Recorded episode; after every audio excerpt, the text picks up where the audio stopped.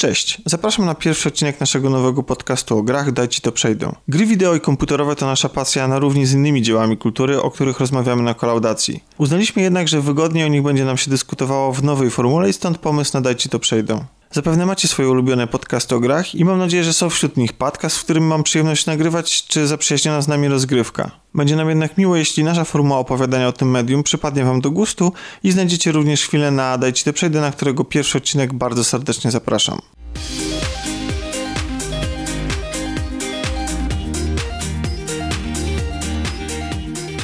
Zaczęły się wakacje, a ja ostatnio mam tak, że trochę pod przymusem muszę kończyć gry, w roku szkolnym powiedzmy, czyli na czas niejako, żeby zdążyć je jakoś tam zrecenzować albo omówić.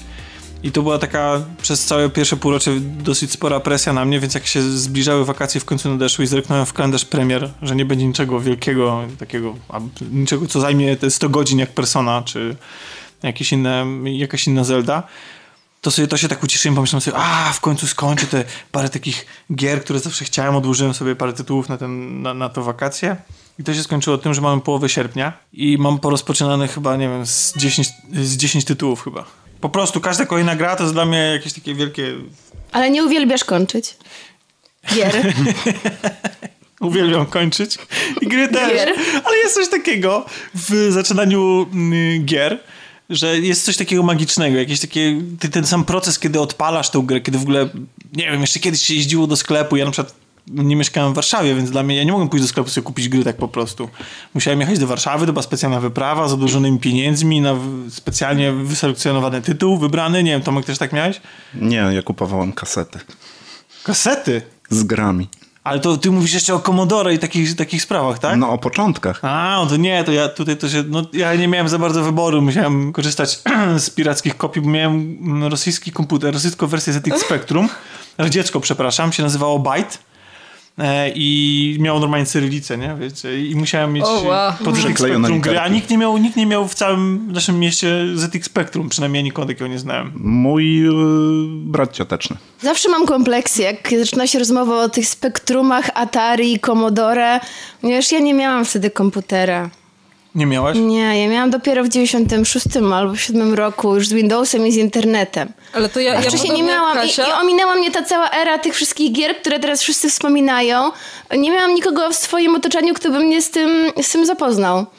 Więc... Y, ja tak na trochę mi żal. No. ludziom, którzy mieli Playa 1, bo ja na przykład nie miałam PlayStation 1 i zazdrościłam zawsze wszystkim moim znajomym, którzy mieli. Chodziłam do takiej koleżanki pograć, pamiętam, w gry na Playaku. Ale ja najpierw miałam Pegasusa. No. Najpierw się grało na Pegasusie. Później... Ale widzisz, przynajmniej miałaś Pegasusa. Tak, e, 999 gier w jednej, e, później Amigę. I na tej Amidze, pamiętam, były już takie gry w stylu Mortal Kombat, w stylu... E, była taka moja ulubiona gra, taka zręcznościówka, która nazywała się Robocod. I nigdy nie zapomnę, ona się pojawiła chyba... Szkoda, ona się pojawiła w PlayStation Plus do pobrania jakiś czas temu jakieś wow. 3 czy 4 lata temu. I ja nigdy nie byłam tak szczęśliwa jak wtedy. Po A prostu pobra pobrałam A i przeszłam, przeszłam całą. tak, bo się okazało się, że ja zapamiętałam ją o wiele trudniejszą i była, była banalnie prosta i niestety... O, to, to, zupełnie coś innego. Ale to zwykle się dzieje tak. odwrotnie, że tak, dzieciaki dlatego... z łatwością przechodzą grę, a potem jako człowiek no. dorosły już sobie myślisz, rany, jakie te gry kiedyś były trudne. No właśnie nie do końca. Akurat w przypadku tej gry faktycznie no... Nie wiem, nie wiem na ile były tam jakieś zmiany wprowadzane, ale nie wydaje mi się, żeby, żeby coś tam było zmieniane. Przynajmniej nic, nic jakby o tym nie słyszałam. Więc jeżeli tam nie było żadnych zmian, to ta gra po prostu była łatwiejsza niż mi się wydawało. Ale jest coś takiego, niezależnie od tego, czy się zaczynało grać na Pegasusie, PC, czy klasy na, na chodniku. Oczywiście. Ale jest coś takiego, że przed każdym rozpoczęciem no, nowej, nowej gry jest jakaś taka nuta podniecenia, nie? Takie, jakieś takie przygotowanie się na, niezna, na coś niewiadomego. Tak, dlatego ja od dwóch tygodni nie mogę się zabrać za Finala 12, którego kupiłam w dniu premiery i leży. Aha, chcesz to, celebrujesz tą ale chwilę przed rozpoczęciem. W sobotę myślałam sobie, nie w sobotę, przepraszam, w piątek E, myślałam sobie, dobra, mam te dwie godziny, to sobie odpalę i zobaczę przynajmniej jak to wygląda, bo widziałam jakieś tam filmiki porównujące grafikę, a gwoli ścisłości Final 12 to jest jedyny Final, w którego nigdy nie grałam. Nawet go nie tknęłam. A, ale te przed siódemką grałaś? E, tak, Szóstkę. we wszystkie tak? grałam, poza dwunastką. A jak ci się szóstka podoba? Szóstka mi się bardzo podoba, znaczy fabularnie Znaczy ta, która na zachodzie podoba. niby wyszła jako szóstka. Szóstkę. Czy to była prawdziwa szóstka? Tam Nie jest, brnijmy w to. Tam jest coś, Nie ale- brnijmy w to? Bo podobno, To zbyt bo, jest skomplikowane. Wikipedia. podobno to jest najlepsza Final Fantasy i siódemka jest tylko i wyłącznie dlatego le- oceniana lepiej, no bo jest właśnie takim Bo nostalgicznym... była, bo była bardziej dostępna No. siódemka i była bardziej przystępna No i była na PSX, też, a nie tak? na SNESie, którego nikt nie miał tak. w Polsce i tak dalej. Ale szóstka to jest chyba moja druga ulubiona po ósemce z, z Ale Finali. jest nie dobra. wiem, czy Jest to... bardzo dobra, ma świetną historię, naprawdę, i ma świetną bohaterkę. Zawsze mm, uwielbiałam na samym początku, zaczęłam w ogóle granie w gry od RPGów, do, do dzisiaj je lubię, ale e, chodzi o to, że największą radością dla mnie było tworzenie tej całej postaci. Oczywiście no, wygląd też, ale te wszystkie statystyki, rozmyślanie, jaka ona ma być, w czym ma być dobra, jakie Dobieranie ma mieć czary, jakie skille. I spędzam na tym tak naprawdę kilka dobrych godzin. Jak ta postać była otworzona, to właściwie mogłabym już skończyć grę i znowu tworzyć następną Ja, postać. ja, Kasia, Kasia, ja tak budowałam domy w The Sims, wiesz? budowałam sobie dom, po czym już nie chciało mi się grać, bo tak naprawdę zależało mi tylko na tym, żeby sobie dom Ja mam budować. gry, w których nie wyszedłem poza kreator postaci. Odpalam sobie EVE Online tylko po to, żeby sobie stworzyć postać, jak ona wygląda. Czyli jednak nie tylko mi daje to radość. Nie, totalnie. To jest strasznie fajne, w ogóle budowanie postaci jest super. Ale to O ile sobie- jest fajny edytor. Mass Effect Andromeda. No dobrze, czyli słuchajcie, czyli zgodzimy się z tym, że jednak zaczynanie gier jest fajne i w ogóle zaczynanie nowych rzeczy jest spoko, nie? Tak. Na przykład takiego podcastu o grach. Na przykład. Nowego. Na przykład. Dokładnie. Słuchajcie, Ale tak trochę nowo starego. No takiego kontynuującego pewną tradycję. Duchowy spadkobierca. Duchowy teraz spadko. O, no, modne słowo w branży. Tak. Słuchajcie, cześć wszystkim. Witamy w pierwszym odcinku podcastu Daj ci to przejdę. W skrócie DCTP. Chociaż to nie jest pierwsze Daj, Daj ci to przejdę, bo jest to jakieś trzecie, czwarte, A może nawet piąte. a może nawet piąte, a już nagrane to na pewno jest któryś z kolei, bo kilku, kilka nie poszło. Jest to taki projekt, który się mm, pojawił na samym początku istnienia inicjatywy, która się nazywała wtedy Ekipa Gra. I ja osobiście, ja, czyli Tomek, miałem przyjemność prowadzić to razem z Michałem Zdanem Zdancewiczem. No i teraz po latach można powiedzieć, bo ponad rok mija od tego momentu, wracamy z tym pomysłem, ale już w formie podcastu. Tak, żeby był przystępniejszy, a pewno, na pewno też więcej da y, szansę, y, więcej da to szansę projektowi na ukazywanie się, po prostu za dużo czasu zajmuje montowanie wideo, chociaż może się ta, ta nasza rozmowa w formie wideo też się w jakiś tam sposób pojawi, z ilustracjami do tego, co będziemy sobie rozmawiać, a skoro zaczynamy, to przede wszystkim trzeba się przedstawić, no więc ja już wiecie, że mam na imię Tomek, dla tych, którzy słuchają nas pierwszy raz, a jest ze mną Kasia, Cześć. Tomek drugi Cześć. i Ania. Weteranka Ania. Weteranka Ania. Tak, no za nią tak, w ekipa gra też byliśmy. Hello. Także wielki powrót, daj, daj ci to przejdę. Jej. Zaczęliśmy od początku i rozmawiałem sobie o początkach i w ogóle. A początek to chwila bardzo delikatna. Dokładnie, Jak mówią ulotna. księżniczka i rulana. O, o, o. I nie możemy zacząć. I nie możemy zacząć. Od Nie, możemy początku. zacząć. Zacznijmy od początku. Zacznijmy od samego początku, bo jak, jak kupujesz tą grę, albo nie wiem, czy ją ściągasz, czy, czy, czy przywozisz do domu i rozpakowujesz, kiedyś to jeszcze się czytało te instrukcje, ne, wertowało, bo dla mnie to była godzina y, trasy z Warszawy do, do rodzinnego miasta. Więc w ogóle zanim dojechałem, to już znałem wszystko na pamięć, co, co tam było w tej instrukcji. Teraz Łącznie- już nie ma żadnych łącznie z instrukcji, instrukcjami niestety. bezpieczeństwa. Wszystkie ataki w Mortal Kombat już miałeś w małym palcu. Nie, tego właśnie nie było, widzisz? Nie Ale to jest bardzo smutne, że nie ma tych wszystkich bajerów. To znaczy są w tych wersjach kolekcjonerskich, ale jeśli kupujesz taką zwykłą edycję gry, to już nie ma. A to cały czar był w tym, pamiętam. Tak, masz tylko któregoś. Baldura była strasznie Albo gruba ta książeczka. nie ma, Albo nawet nie ma uloteczki tylko Tak, masz jakiś kod na jakieś coś. I... No właśnie, nawet gry nie ma czasami w pudełku. Czasem właśnie od tego może zacznijmy, że nawet gry nie ma w pudełku. No tak, dokładnie. Ściągasz tą grę, więc już można powiedzieć, że sam proces obcowania z grą już się od- rozpoczyna od tego, kiedy wkładasz płytę i się okazuje, że masz 3 godziny instalacji i ściągania patchy. A kiedyś też to było, tylko że musiałeś wymieniać te płyty na przykład na pececie, nie? Tak, tak było. No dobrze, ale gra się uruchamia i co? I co wtedy? Pierwsze co wyskakuje to jest... Pulpit. Bo musisz ściągnąć sterowniki, jak grasz na pececie.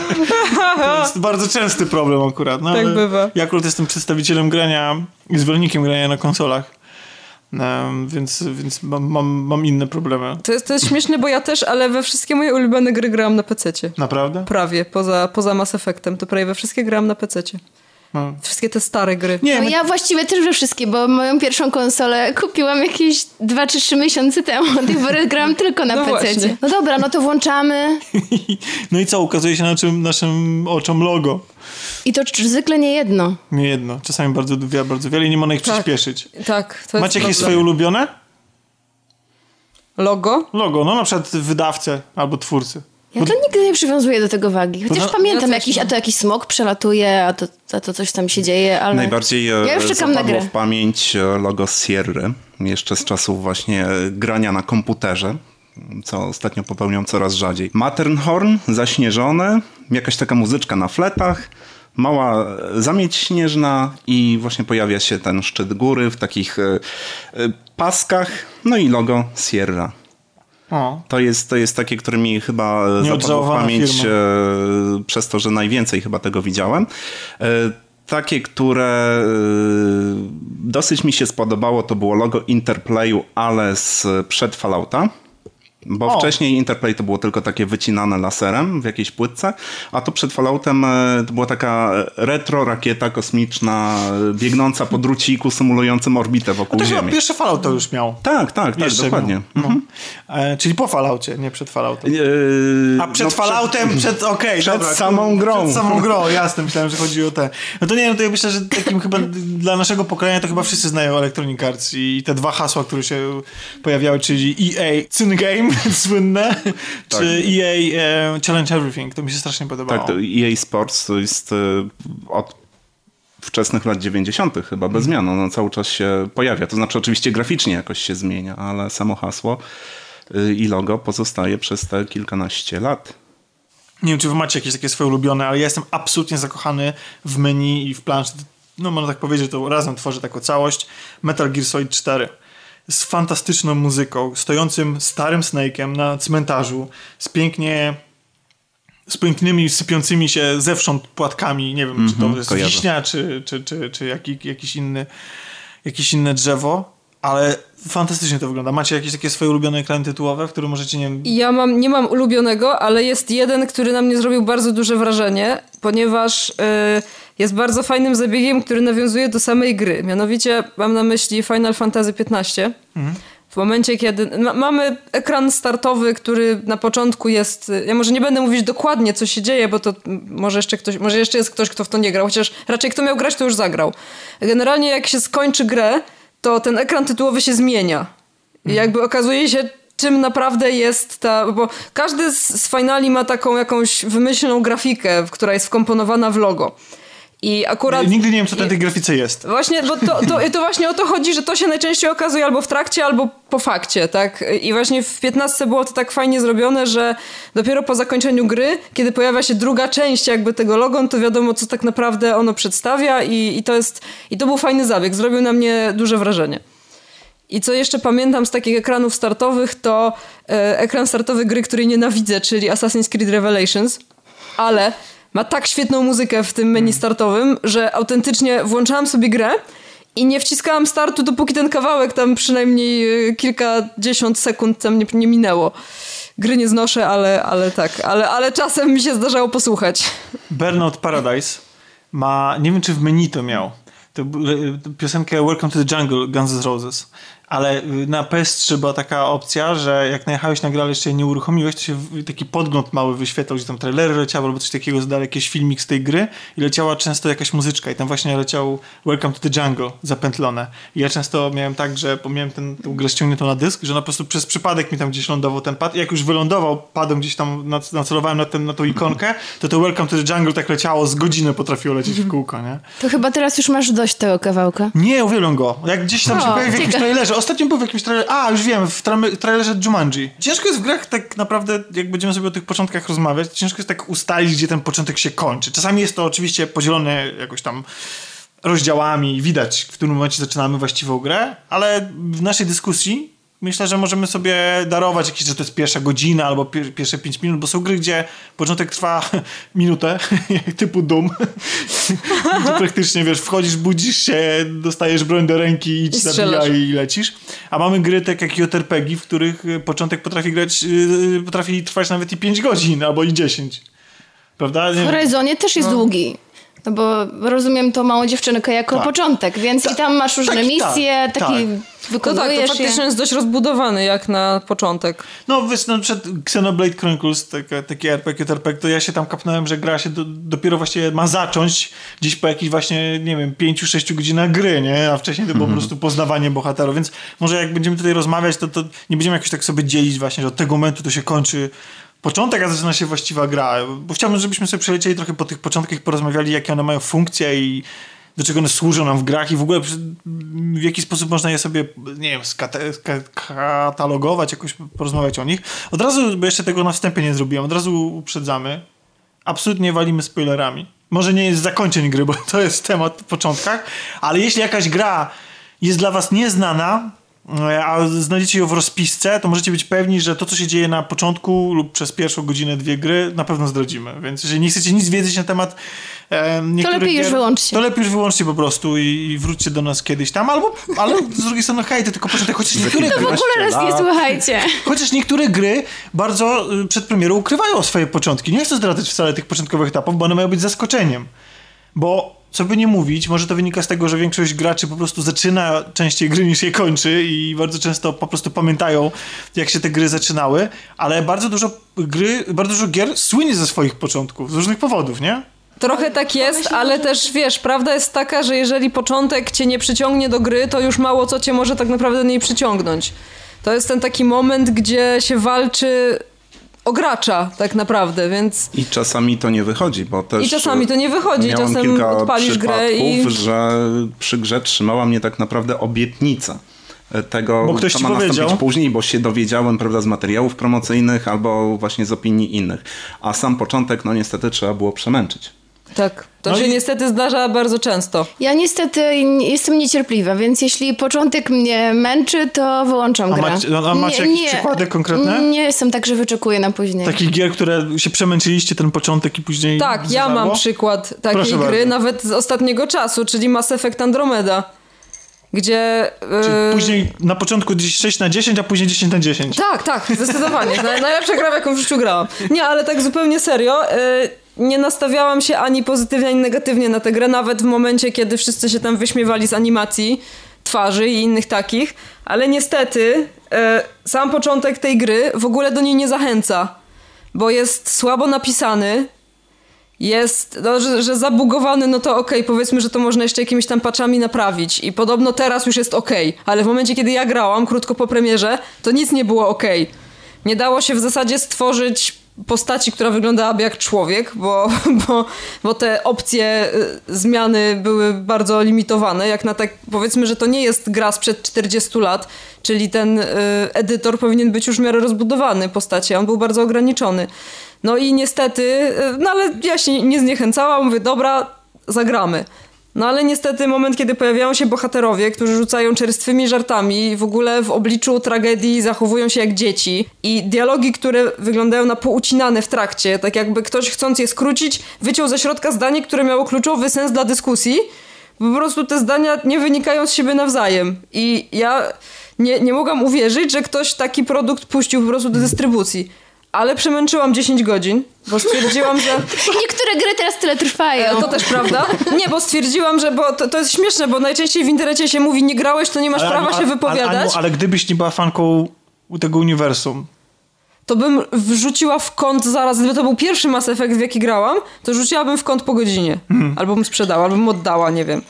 E, w każdym razie pamiętam, że bawiło mnie to bardzo w internecie, bo ludzie pisali, nie masz prawa się wypowiadać, jak nie grałeś, a z drugiej strony, po co poświęcasz tyle czasu grze, która ci się nie podoba?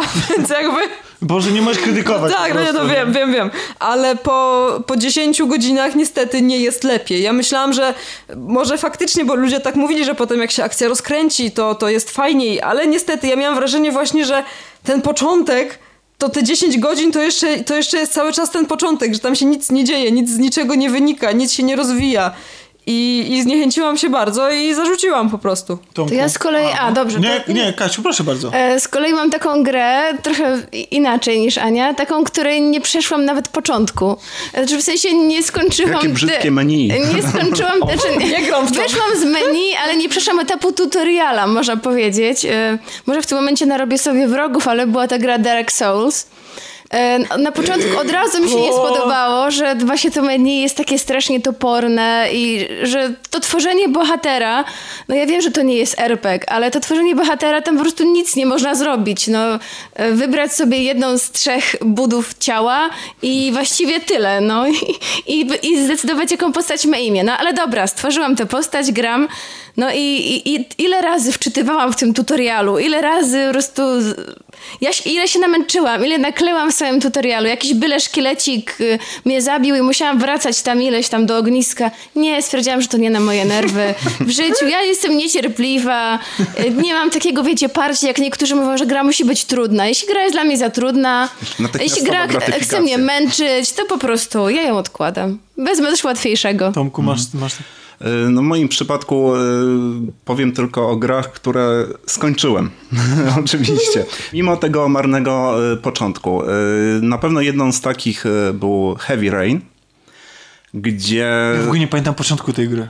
No sam początek y, to, są to jest oczy, takie... Pamiętam. To menu też ma fajne, bo ma oczy takie... Zapoznawanie się z tymi e, sposobami sterowania takimi pseudonaturalnymi, prawda? No, wszystkimi kierunkami wyskakującymi na ekranie, gdzie idziesz na przykład umyć zęby, albo siadasz e, przy desce kreślarskiej i tworzysz No, a tam był, wiesz, to była taka symulacja życia, wprowadzenie w historię, nie? Tak, tak, no wprowadzenie w historię, no może nie, nie do końca, bardziej właśnie mi się to kojarzyło z takim e, tutorialem dotyczącym e, tych nowych sposobów, tych rewolucyjnych sposobów. Ale niestety, i to co było najgorsze, na moment ci przerwę, potem zapomnę, to, że jak grasz któryś raz z kolei nie możesz tego pominąć i grając w Heavy Raina któryś raz, bo chciałam go komuś pokazać, Musiałam jeszcze raz przechodzić. Myć zęby. To, myć Dramat, zęby, tam sikać, jedna... kreślić po tej tablicy. Dobrze, że w, domu nie trzeba, dobrze, dobrze, że w życiu nie trzeba chodzić do pracy i dbać Masakra! o Powiedzmy, że tam jest, tam jest jedna Ale może przecież tyle scena. osób gra w Simy i sikają ciągle i myją zęby, więc dla niektórych to jest atrakcja.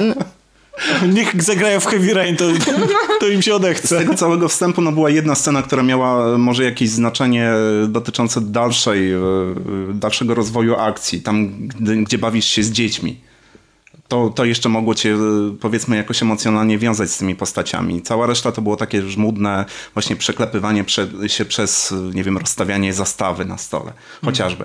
No i właśnie tutaj trzymało mnie ta obietnica, czym ta gra miałaby być. No i co? Później cię kupiła. Y, tak, no pomijając y, jedną wielką dziurę scenariuszową, o której pewnie wszyscy wiedzą. A to nie miało no, być jakiegoś DLC potem, to czy nie było? Nie wiem. No, Wiesz co, my sobie o tej, o, o tej grze jeszcze kiedyś porozmawiamy. Z, przy okazji zupełnie innego tematu, ale już mam naszykowany, także tak, a stay tuned. Druga, druga gra to był y, Wiedźmin 2.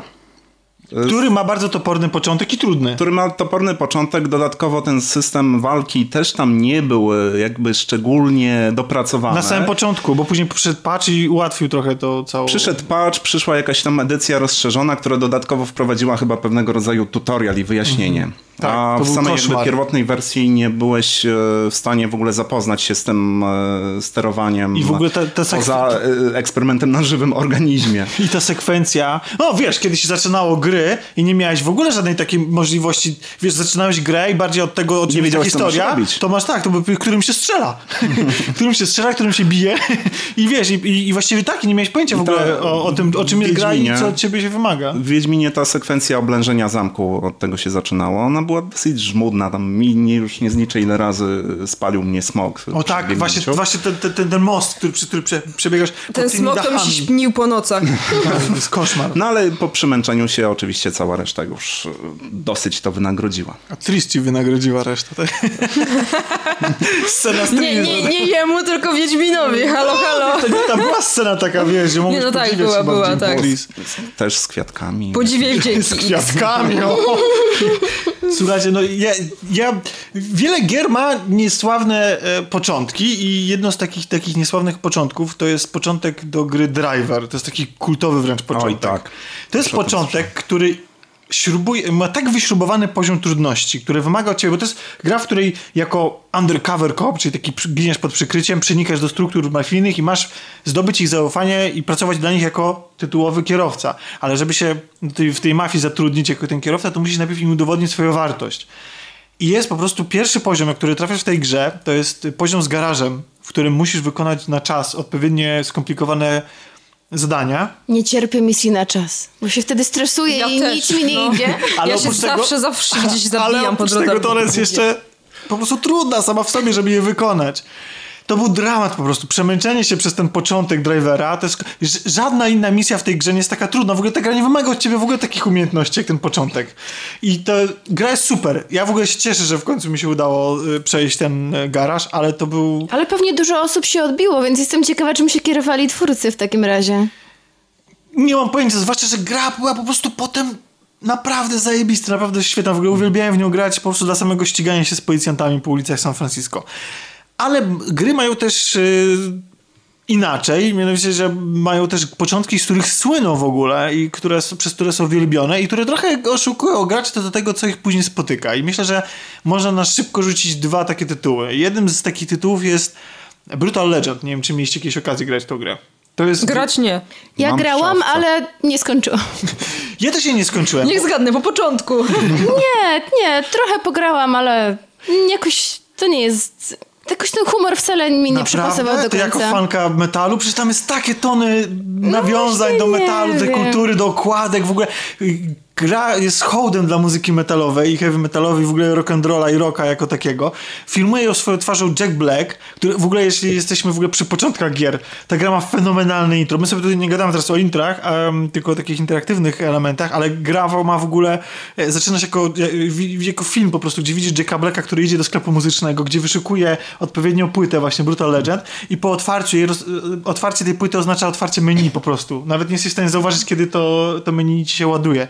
No ale gra jest właśnie takim hołdem i e, hołdem, który był na trailerach, był zapowiadany i w ogóle, który właśnie przez pierwsze godziny gry wygląda jakby to był slasher, w którym głównym bohaterem, Jackiem Blackiem, przenosi się do świata z heavy metalu i swoją gitarą, i tym, mm, gitarą też, ale przede wszystkim takim toporem, przedzierasz się przez hordy przeciwników i to wszystko jest super i naprawdę polane świetnym humorem, mnie akurat bawi. Ale potem zaczyna się jeździć jakimś takim pojazdem i to już mi się nie podobało. Jeżdżenie pojazdem to jeszcze nic. Potem się zaczynają elementy RTS-u, czyli strategii w czasie rzeczywistym. I to było wielkie rozczarowanie. To w ogóle było niefajne, to było w ogóle totalne odejście od tego, czym ta gra miała być.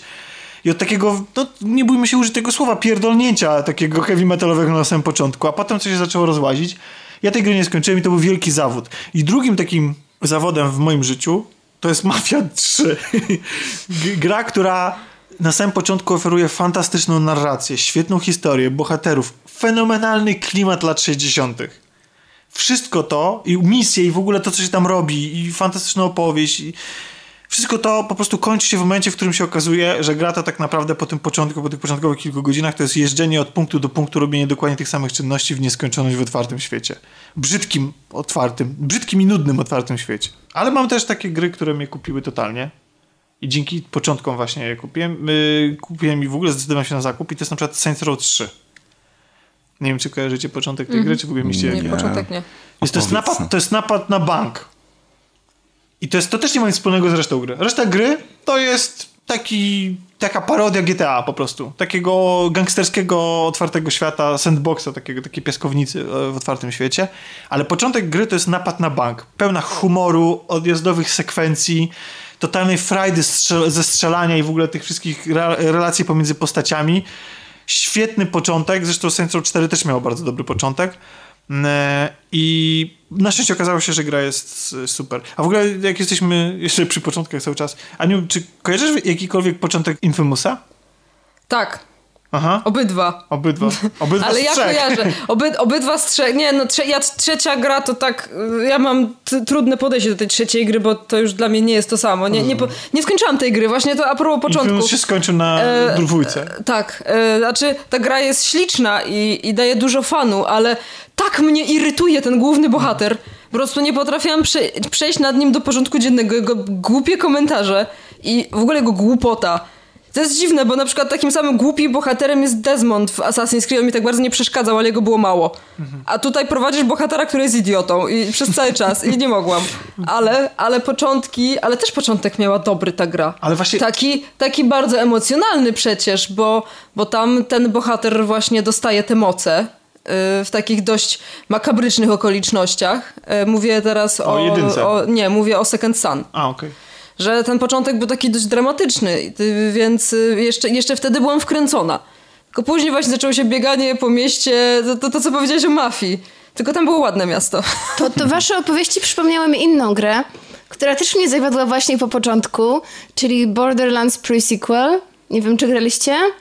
E, po tym, jak graliśmy ze znajomymi w Borderlands 2, stwierdziłam, no dobra, no to teraz ten pre-sequel, ta gra była tak świetna, tak śmieszna, tak się świetnie bawiłam, dobra, to pre-sequel. E, no i początek jest naprawdę, tak jak cała seria Borderlands, kolorowy, absurdalny, wybuchowy, po prostu jest jeszcze większy rozpierdol niż w poprzednich częściach, a potem okazuje się, że to misje są straszliwie linearne, straszliwie nudne i jest taki backtracking, że po prostu non-stop się biega w, w tę i z powrotem, w tę i z powrotem. I mimo, że graliśmy w tę grę w cztery osoby, co powinna być super zabawa, to stwierdziliśmy, dobra, już olewamy, nie damy rady. Więc y, to był ogromny zawód. Jeszcze tylko takim kró krótko, krótkim przebiegiem przez takie najbardziej znane te początki gier, to myślę, że na pewno należy wymienić y, Batmana Arkham Asylum, który który zasłynął tym, że, Oj, tak. że wprowadził postać Batmana i w ogóle całe, całe, całe, całe to wejście do tego... Procedura wejścia do Asylum jest taka naprawdę mhm. mrożąca krew w żyłach i czujesz, że zaraz coś się wydarzy i czekasz tylko kiedy. Cała ta I jeszcze ta atmosfera taka gęsta. taka. I to, że spotykasz swoich przyszłych przeciwników po drodze tak. i w ogóle to jest y, na pewno jedna z bardziej udanych takich sekwencji. Oj, to prawda, do dzisiaj ją dobrze bardzo pamiętam. Na pewno trzeba wymienić taką jedną z najbardziej zasłużonych gier w historii w ogóle e, ca, ca, całego e, medium, czyli Half-Life, które miało, które miało taki rozpoznawalny początek, gdzie jedna z pierwszych gier, która ci od razu nie, nie oferowała żadnego intra, tylko ty byłeś bohaterem w takiej interaktywnej sekwencji. Co prawda jechałeś po prostu przez cały ten, całe to um, facility. Co jest takiego, że jak rozmawiasz o grach, to jesteś się automatycznie przełączysz na język angielski. Coś takiego. Bo grasz po angielsku. Często w nie gramy po tak. angielsku. Tak. Więc jedziesz przez cały ośrodek ten tak badawczy i, i, i, tam też przechodzisz różne procedury, nie? I to było takie bardziej, bardzo znaczące, chyba pierwsza tego typu sekwencja, która... Tak, tak. Nawet jeżeli ta pierwsza część była związana tylko z takim biernym obserwowaniem z kolejki, dopiero tam cię na końcu jakiś żołnierz wypuszczał, no to później też y, już jakieś czynności wykonywałeś, tak? Ale to cały czas była ta sekwencja y, intro, jeszcze można tak powiedzieć, dopóki nie ruszyłeś się z pewnym wózeczkiem aby rozpocząć eksperyment. Nie wiem, czy się ze mną zgodzicie. Dla mnie taka bardzo pamiętna i wydaje mi się, że też słynny taki początek e, to Bioshock pierwszy. W momencie, kiedy po raz pierwszy się pojawiamy tak. w Rapture, widzimy taką całą panoramę tego podwodnego świata. No, dla mnie nie, nie do zapomnienia. Nie co cię czeka, nawet, ale nawet jeszcze wcześniej, cię, nawet tak. od tej sceny katastrofy. Już, tak, ta scena katastrofy tak, już, tak, już, daje, już daje po głowie trochę, no.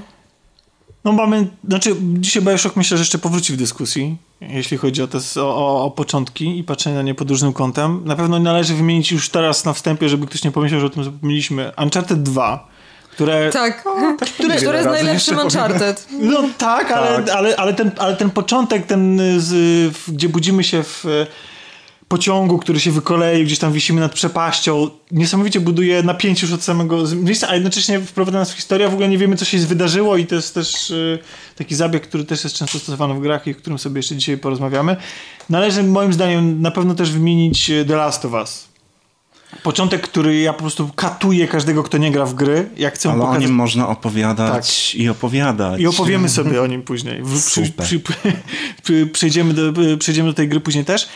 E... Ale tylko o początku, bo to jest gra, w którą jeszcze nie grałam. Dobrze, dobrze, tak, Kasiu. A, Żadnych ale... zbyt dużych spoilerów. Ale myślę, że też na przykład można niesławny początek z Killzona 2 wymienić, bo to jest gra, która mi jest dla mnie jest bliska. Bo to jest początek, który sam w sobie jest w ogóle rewelacyjny, świetny, ale on... Ale to raczej niesławne przez y, jakby historię, która za tym stoi, tak? tak. Nie, nie, że przez samą grę. Mhm. Czyli ci, którzy się lepiej e, rozeznają, rozeznają w historii gier, e, to wiedzą, że ta gra została zapowiedziana na targach E3 jako jeden właśnie taki z okręt flagowy niemalże konsoli PlayStation 2 i z, z oszałamiającą grafiką, a potem się okazało, że to nie jest grafika z gry, tylko właśnie taki target render, taki, taka, że tak chcielibyśmy, żeby ta gra wyglądała. Tak. I słuchajcie, potem wszystkie lata pracowano na to, żeby ta gra faktycznie, bo Sony sobie wzięło jako punkt honoru, żeby, e, żeby spełnić jednak tę obietnicę i e, cały ten, cała początkowa sekwencja desantu na Helgast z zewnątrz ściągali do Guerrilla Games różni deweloperzy od, ze studiów Sony po to, żeby wycisnąć maksymalnie wszystkie soki z konsoli PlayStation, żeby, to nie PlayStation 2, tylko PlayStation 3, żeby y, chociaż zbliżyć się do tego, co ten trailer pokazywał. I moim zdaniem w grze, oczywiście pomijając jakąś tam szczegółowość obiektów pewnych, to biorąc pod uwagę wszystkie efekty i ogólne wrażenie z obrazu, patrząc na to, to gra wygląda lepiej niż na tym trailerze. Moim zdaniem się obronili twórcy. I nie dość, że wygląda lepiej, to jest jeszcze oszałamiająca e, i świetną sekwencją desantu. Brudu pełną cierpienia, śmierci, akcji i doskonale wprowadza w grę. Ja mam jeszcze na liście Modern Warfare, ale to jest ciekawe. Ja sprawdziłem, słuchajcie, bo nie wiem, czy graliście kiedyś w Call of Duty 4 Modern Warfare. Tak. Tak. Tam jest sekwencja, w której na tobie jako bohaterze, mimo tego, że nie jesteś tego świadomy, jest dokonywana egzekucja. Mhm. Ja, ją zap- ja zapamiętałem, że to jest sekwencja otwierająca grę. Naprawdę, żyłem Tak? do tej pory w przekonaniu, że to jest pierwsza misja w grze, a to jest nieprawda, to jest trzecia misja w grze. Ja musiałem sobie, dobrze sobie to odświeżyłem. Bo to jest trzecia... Pierwsza to chyba była na statku, tak? Nie właśnie. Nie? Jeszcze coś? Pierwsza to jest coś, do czym sobie pogadamy. Pierwsza to jest strzelnica. I to jest w ogóle A.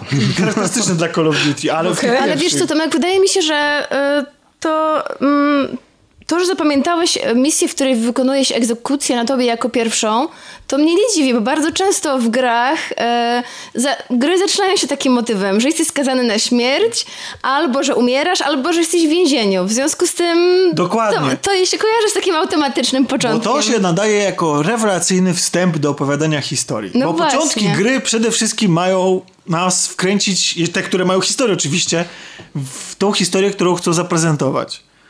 Więc myślę, że to możemy od tego zacząć, to jest pierwsza podstawowa funkcja, znaczy jedna z pierwszych podstawowych funkcji mm, początków gier.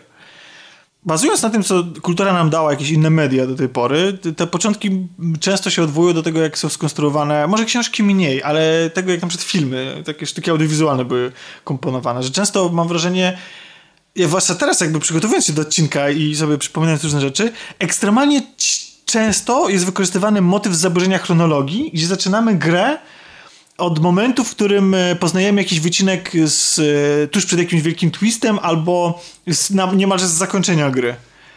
E, Taki zabieg, który ma nas pokazać, podbudować napięcie już na samym początku, prawda? I wywołać u nas zaciekawienie po prostu tym, co... co, co, Tak, co... co doprowadziło do tej sytuacji, Tak. którą akurat obserwujemy na początku. Tak, to zaburzenie chronologii przypomina mi początek w Dragon Age'u, jakimś chyba dwójce.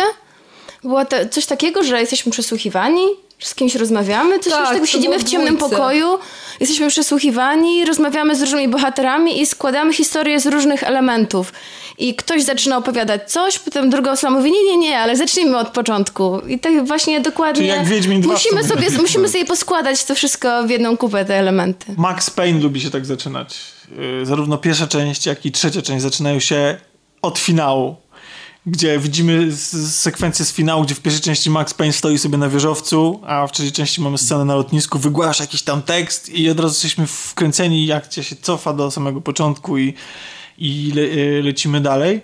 Persona 5 chociażby ostatnia też się zaczyna w ogóle od takiego... Od, Tak, od, już od jakiejś akcji złodziei, która... No, nie znamy jeszcze tej grupy tak naprawdę, Tak, tak. czyli Ale- jest od razu z ale- góry założenie, że to jest gdzieś z końca. Final 15 też się tak zaczyna. Mamy na samym początku gry, zanim jeszcze się pojawia samochód i w ogóle, Mhm. mamy scenę, gdzie nasi bohaterowie już widocznie Tak. starsi, gdzieś są pod jakimś budynkiem, w który płonie i gdzieś walczą. I to jest sam początek. no. Jeszcze zanim właśnie ta, ta historia się rozkręci, to, to pokazują nam wydarzenia praktycznie z końca gry. No bo to pozwala y, dać, bo gracz jest tak jak Kasia niecierpliwy i nie lubi, chociażby biorąc pod uwagę to jak y, Heavy Rain, tak? Że, gdzie mamy właśnie te nudne na początku czynności. Chociaż moim zdaniem, ja akurat tego nie mam do zarzucenia Heavy Rainowi. Oczywiście przechodząc tą grę czwarty raz czy pięćdziesiąty, to może być coś nie halo z tym. Ale moim zdaniem to akurat służyło bardzo fajnie temu, żeby pokazać... y, żeby zbudować jakiś więź z tym bohaterem, z tą rodziną po prostu. Na przykład ja, ja wyśmiewana wielokrotnie sekwencja w supermarkecie e, z Jason, Press X to Jason e, i, i z poszukiwaniem syna, moim zdaniem bardzo fajnie wprowadza w tą, w tą historię. tak, I to jest bardzo emocjonalna. To zaburzenie chronologii, zaczęcie od środka no nas wrzuca bezpośrednio w akcję, czyli jakby dla takich niecierpliwych graczy jak Kasia, czy ja też, każdy właściwie, jak, jak chce, jak chce y, zacząć grę i przede wszystkim każdy chce poczuć, jak się steruje, nie? Jak, jak, się, jak, się czuje tą postać, już pomijając samą tą wartość opowieści, nie? To I często mamy nie też, długich wstępów też chyba, nie? mamy często w tym momencie taki zabieg, że jesteśmy właśnie wrzuceni w jakąś akcję, mamy bardzo dużo różnych umiejętności i potem coś się dzieje, one są nam odebrane, bo te, to jakby okazuje się, że ten początek był tylko po to, żebyśmy sobie wypróbowali Narobić różne rzeczy, a potem wracamy do początku. Tak było właśnie w tym ostatnim dołusie przecież. Następuje jakiś błąd, jakieś tam zwarcie i, i musimy wszystko zacząć od początku. Bo to jest problem, jak masz za silnego bohatera na samym początku. I że gdzie wiesz, gdzie po poprzedniej części on jest tak dopakowany, że wydawałoby się, że nie ma sensu, Tak, żeby... Szczególnie w tych wypadkach. Tak, tak więc, więc, więc na początku on jest znów dopakowany, ale w pewnym momencie to wszystko traci i, i ma to sens. To nie było dla mnie jakieś, jakieś e, ojej, to za beznadzieja. W ogóle uwierzyłam w to od razu. Że to tak samo to jest z tym, moim zdaniem, z wsadzaniem do więzienia głównych bohaterów. Mm, albo na przykład z amnezją, gdzie masz, e, gdzie musisz mieć, znaczy stwarzasz sobie świat i bohatera, który jest silny, albo który ma władzę, albo który coś znaczy, no jakby chcesz być fajny po prostu, jako, jako gracz, E, a z drugiej strony no trzeba dać ci jakiś cel, jeśli chodzi o rozwój bohatera i w ogóle tej historii, więc zaczynanie od zera jako właśnie taki więzień, który musi uciekać na przykład z jakiegoś więzienia, e, czy, czy jako człowiek z amnezją, który nic nie pamięta, to jest dobry pretekst, nie? Do tego, żeby... A jednocześnie jakoś tam powinno w teorii wprowadzać w, ten, w, w, w tą historię, tylko mam wrażenie, że to jest strasznie naduży, nadużywane, no i że, że, że twórcy... wiem, czy- Jest nadużywane. Każda część God of War się nie zaczynała w ten sposób? O. Go gdzieś strącali? God of War ma w ogóle, y, trójka zwłaszcza, ma tak epicki początek. To jest, to jest w ogóle, to jest jedna z najbardziej, i do tej gry akurat słowo epicki pasuje jak ulał, ale ma tak niesamowicie... e, to, co się tam dzieje, to jest po prostu, to jest kosmos. Chyba później to się nigdy nie dzieje w żadnej części God of War. Po prostu takie rzeczy, które mamy tam w tych spinających się e, tytanów. No, no, tak. Tak, e, na Olimp. Fantastyczna sekwencja. A nie, nie wiem, czy on, czy on ma odbierany, wiesz, to muszę, kurde... za- Nie, ale nawet ta właśnie sekwencja w trójce się chyba kończy tym, że on jest strącany gdzieś tam. Leci, leci, pamiętam jak leci. No tak, tak, tak. Często mamy coś takiego, że też bohater przybywa w miejsce. Oj, przybywa. Tak, e, na przykład w ostatnim Tormencie e, bardzo fajna jest sekwencja tytułowa, ponieważ zaczynamy grę w momencie, kiedy spadamy z nieba. Nie wiemy, co się dzieje, nagle po prostu się budzimy, spadamy, e, musimy podjąć szereg różnych decyzji. E, Może nawet w tej sekwencji tytułowej umrzeć od razu, zanim rozpocznie się właściwa gra, bo jest sekwencja całkowicie tekstowa, więc jest to dość śmieszne, że można e, podjąć złą decyzję, kliknąć mm, nie to, co trzeba i od razu umrzeć, ale spadamy e, i mnie to od razu wkręciło w świat. Jej, co się stało ze mną? Dlaczego spadam z nieba? Spadłam na ziemię i potem taki jakby tutorial odbywamy w wnętrzu własnego umysłu. To też mnie zaciekawiło, bo to jest coś, niby ten początek jest właśnie taki, że przebywamy, ale z drugiej strony pojawia się coś innego. No bo to, to też y, to przybycie w nowe miejsce dla nas, to też jest właśnie okazja do tego, żeby, No, żeby poznawać bohater- świat razem z bohaterem po prostu. Nie dziwi... Bohater jest nowy w tej sytuacji, dopiero się zapoznaje z, z, z samym światem, z innymi bohaterami, z relacjami i my jesteśmy dokładnie w tej samej pozycji. A tak samo bardziej łączy z bohaterem. Dokładnie tak samo śmierć e, bohatera i jakieś tam ożywienie czy wskrzeszenie jest e, jakby takim pretekstem, żebyśmy stworzyli go od nowa. Tak jak na przykład pamiętam, bardzo lubię Fallouta New Vegas. Tam początek jest taki, że zabija nas facet w pasiastej e, marynarce. E, Jakiś tam facet nas ledwo odratowuje. Zresztą to też jest ciekawy początek jak na RPG, ponieważ rozmawiając z tym lekarzem, E, wybieramy sobie konkretnie swoje statystyki, a nie normalnie klikając jakieś tam tabelki. I potem naszym celem gry przez jakiś czas do pewnego momentu jest e, zemsta i odnalezienie tego faceta, który, który miał na nas zlecenie, który chciał nas zabić. Więc e, to jakby to spełnia różne funkcje. Po pierwsze, jesteśmy tabula rasa, musimy od nowa stworzyć siebie, daje nam motywację e, do działania i też wprowadza od razu w intrygę, od razu To natychmiast, w z jedną sceną. trzecim było to zrobione jeszcze bardziej, bo zaczynasz grę rodząc się. Tak? O, A, to- no właśnie. Cała sekwencja dorastania i właśnie wybierania swojego wyglądu, statystyki i tak dalej odbywa się na drodze dorastania. No, zresztą os- ostatnio gry często sięgają po ten motyw, y, że zaczynasz jako dziecko. No, nie tak ostatnio, ale niektóre gry po prostu, że chociażby tegoroczne Horizon Zero Dawn, gdzie zaczynasz tą sekwencję jako mała dziewczynka. Mała dziewczynka, tak. Assassin's Creed 3 tak się zaczyna. Tak, prawda? właśnie znaczy, on się zaczyna dwa razy. Tak, ale grasz, znaczy jeżeli chodzi o historię powiedzmy głównego bohatera, to faktycznie zaczynasz jako dzieciak w tej wiosce i później tak jest tutorial cały długi, gdzie, w który grasz dzieciakiem tak naprawdę. Ale ja prawdę mówiąc nie znajduję w tych grach, które do tej pory e, mieliśmy okazję zacząć od, jako dziecko, nie znajduję chyba przyczyny tego. To znaczy, na przykład gdyby Horizon Zero Dawn się zaczyna już jako dorosła Aloy i gdyby ona po prostu znalazła to podczas jednej ze swoich e, eksploracji, to, to co znalazła, mm -hmm to, czy tak naprawdę to zmieniło tą historię? Chyba niespecjalnie. Też mi się wydaje, że nie. Myślę, że to był taki zabieg, żeby, wiesz, pokazać troszeczkę może bardziej tą jej relację z tym a, no Rostem, tak. nazywał. Okay. Rostem, opiekunem. Rost, okay, właśnie, okay. żeby, żeby, ich relacje troszeczkę nakreślić, że tak. on tak troszeczkę takim jest ojcem mhm, przybranym okay, dla niej, tak. No I tak myślę, że to mogło chodzić tylko i wyłącznie o to, bo... A poza tym też bardzo widzimy jej, jej uczucia. I kiedy ona jest małą dziewczynką i czuje się jednak odrzucona przez to całe plemię, myśl, wydaje mi się, że bardziej przeżywamy, kiedy widzimy odrzucone dziecko. To znaczy, jakie jest przykro, że ona chce się zaprzyjaźnić z innymi dziećmi i od razu towarzyszą nam takie uczucie, ojej, ale dlaczego? Oni nas nie lubią, jakie to niesprawiedliwe sprawiedliwe. Okej, okay, masz rację. Więc e, to masz mnie od rację. razu związało z bohaterką. Mogę jeszcze o jednej grze, która mi się teraz przypomniała a propos tej śmierci. Właśnie e, już od wczoraj o niej myślałam, bo to jest jedna z gier, mimo że zaczyna się właśnie tak typowo, jak o czym mówiliśmy, to jest trochę wyeksploatowane, ale zrobiło to na mnie duże wrażenie. Niedoceniana uważam gra Kingdoms of Amalur. E, bardzo tam zrobił na mnie duże wrażenie początek, bo rzeczywiście najpierw normalnie, tradycyjnie tworzymy bohatera, a potem jest sekwencja tytułowa, kiedy um, leżymy na stosie ciał, zrzucony gdzieś do jakiejś studni, tam gdzie zrzuca się trupy. Budzimy się na tym stosie, wygrzebujemy się spod tych trupów, dostajemy się z tych podziemi i dowiadujemy się, że ktoś za pomocą jakiejś tam maszynerii tajemniczej nas skrzesił. E, zrobiło to na mnie duże wrażenie i mimo, że gra ma swoje wady, to sprawiło, że chciałam w nią grać dalej. Właśnie przez ten początek. Mamy gry, które zaczynają się tym trzęsieniem ziemi, takim, że, że od razu narzucają wir akcji. Na przykład można też e, Final Fantasy VII pod to pociągnąć.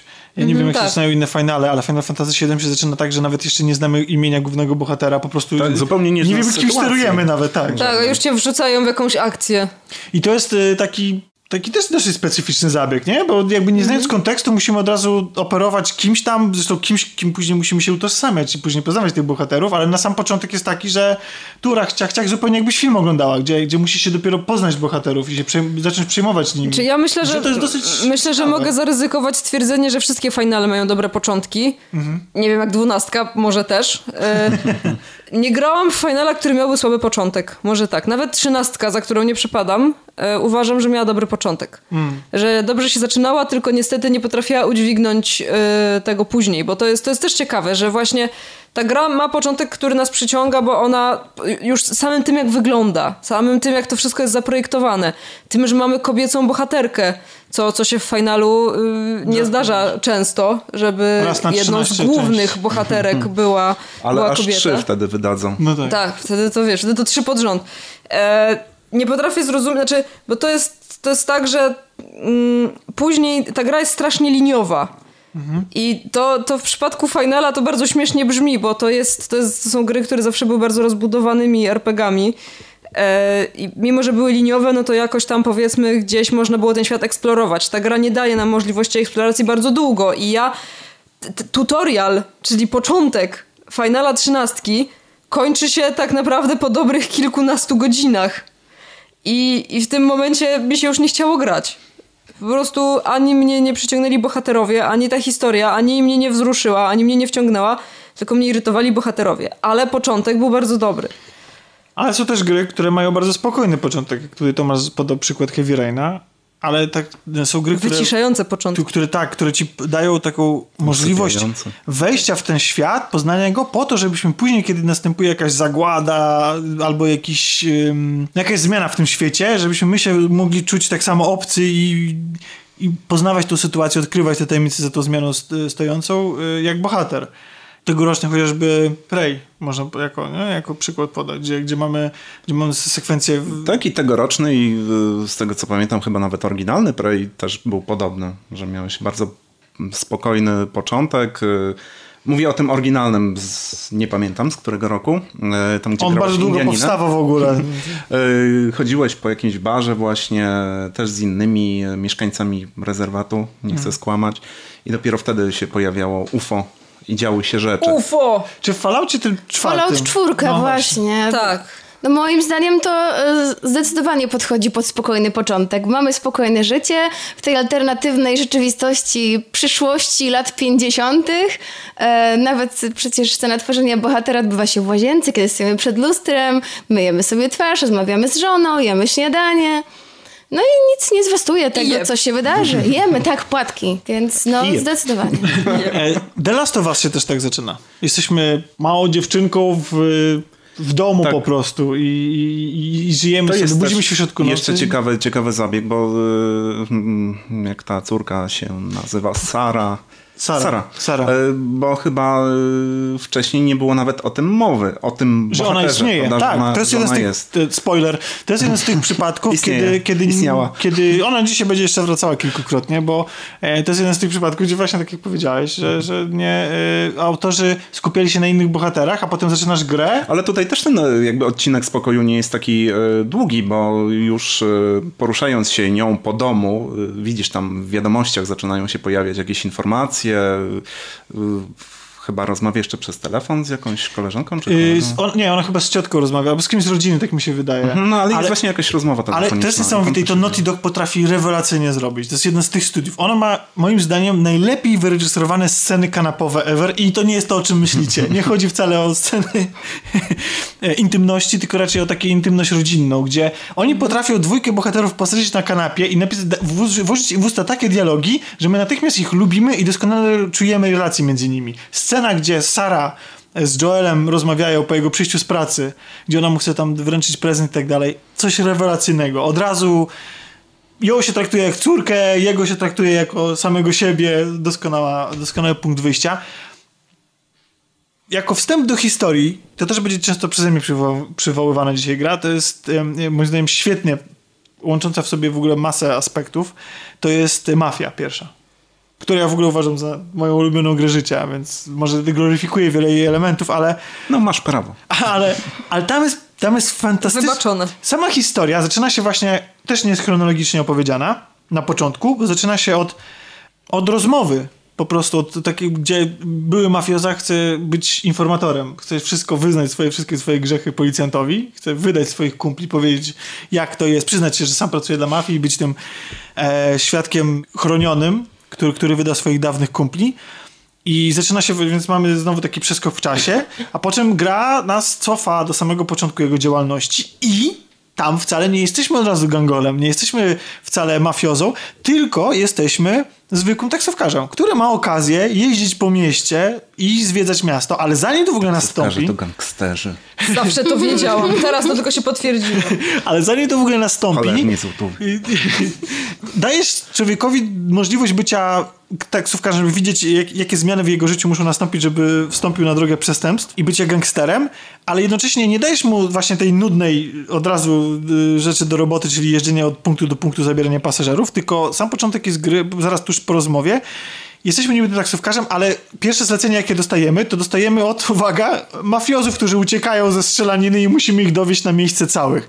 Więc gra nas zaczyna się właśnie od, z jednej strony prezentuje nam e, życie bohatera tuż przed jego zmianą, łamie chronologię, a jeszcze do tego wszystkiego zaczyna się jak y, trzęsieniem ziemi, jak u Hitchcocka. A potem napięcie tylko rośnie. U nas też będzie musiało rosnąć. Przejdziemy sobie może do następnego, do następnej takiej funkcji, którą mi się wydaje, że jest tak to już poruszane to wielokrotnie, czyli właśnie budowa bohatera. Na, na, taka ekspozycja tak zwana, zaczerpnijmy to z języka filmowego. Gdzie, gdzie, gdzie mamy, musimy poznać tego bohatera, musimy go polubić albo nie, ale przede wszystkim gra musi nam dać jakąś motywację. Tak, no dać cel, nie, nie zanudzić. Wiedzieć, od wiedzieć razu dlaczego... na samym starcie.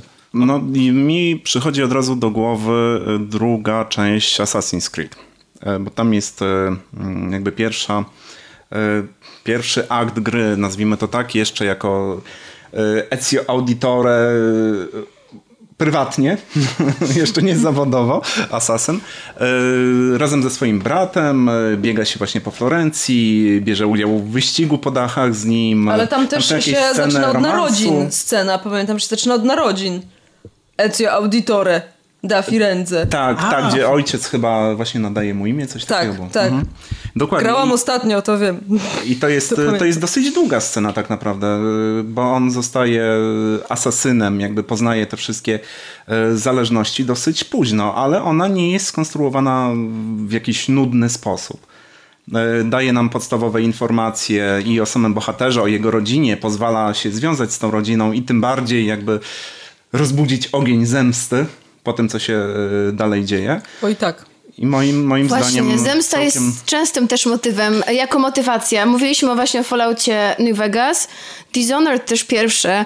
Przecież, znaczy dla mnie to był w ogóle bardzo mocny początek, bo... A dla um, mnie nie. Jesteś, tak? Ale mówię o jedynce, nie o tak, dwójce. Ponieważ stajesz się nagle w jednej chwili e, najbardziej poszukiwaną osobą, e, musisz uciekać i twoim celem jest tak naprawdę zemsta. No tak, tylko że ja tej zemsty, czy bardziej się przejmowałem tym, że ktoś mnie oskarżył o coś, o morderstwo, a mniej tą relacją z porwaną, zdaje się, e, tak? Czy, tak, porwana księżniczka. Księżniczka i, i, I zamordowana królowa, królowa, ponieważ gra wcześniej właśnie to wszystko się dzieje za szybko. My przybywamy na miejsce i o ile ta właśnie te, te rzeczy dotyczące nas samych, okej, okay, są dobrze rozegrane, o tyle w y, przypadku, w którym w ogóle jeszcze główny bohater w ogóle nawet nie mówi i ja nie mam, i, jasne, jest sekwencja, to jest bardzo fajnie pomyślane, że jednocześnie jest to tutorial, jest sekwencja zabawy wchowanego. I to jest spoko, bo to jest sekwencja, która ma nam dać y, jakąś relację z tym dzieckiem. Ale przez to, że ten bohater jest niemy i że ta akcja z tym zabójstwem królowej się dzieje tak szybko, to ile jeszcze do tej księżniczki, do tego dziecka jest jeszcze w stanie coś poczuć, o tyle do tej królowej kompletnie. No po prostu to nie jest dla mnie zemsta. Dla mnie to jest yy, raczej próba odzyskania własnego honoru. Po prostu. No to też, ale ja zemstę też czułam. Takim klasycznym też przykładem zemsty jest yy, opowieść Maxa Payne'a.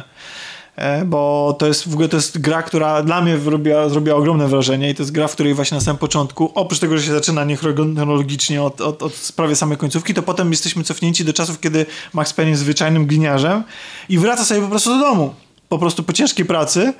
E, a w domu, cóż, no właśnie następuje ta zmiana wielka w jego życiu, bo się okazuje, że w domu są napastnicy, którzy przetrzymują jego, jego rodzinę i w wyniku właśnie jakichś tam traumatycznych zdarzeń on traci i dziecko, i, i, i żonę. I to jest właśnie punkt, może nie tyle punkt zemsty, to jest punkt właśnie, to jest ta sytuacja, w której my uczestniczymy jako gracze. To nie jest film, to jest totalnie interaktywna sekwencja, która też pełni rolę trochę tutoriala, ale ona nam pozwala przeżyć właśnie tą śmierć na, na jakby osobiście i ona buduje tą postać. On tyle, nie tyle się później mści, bo on później go nie napędza ta chęć zemsty, to raczej to go ustawia wobec świata, że on, on zrzuca po prostu na e, winę za tą śmierć na, na ćpunów, tak? na narkotyk, który się pojawił na ulicach i on mm -hmm. chce z tym narkotykiem walczyć. Później przystępuje do jednostki, która jest e, do tego powołana. Więc... A, i co ciekawe, później następuje jeszcze...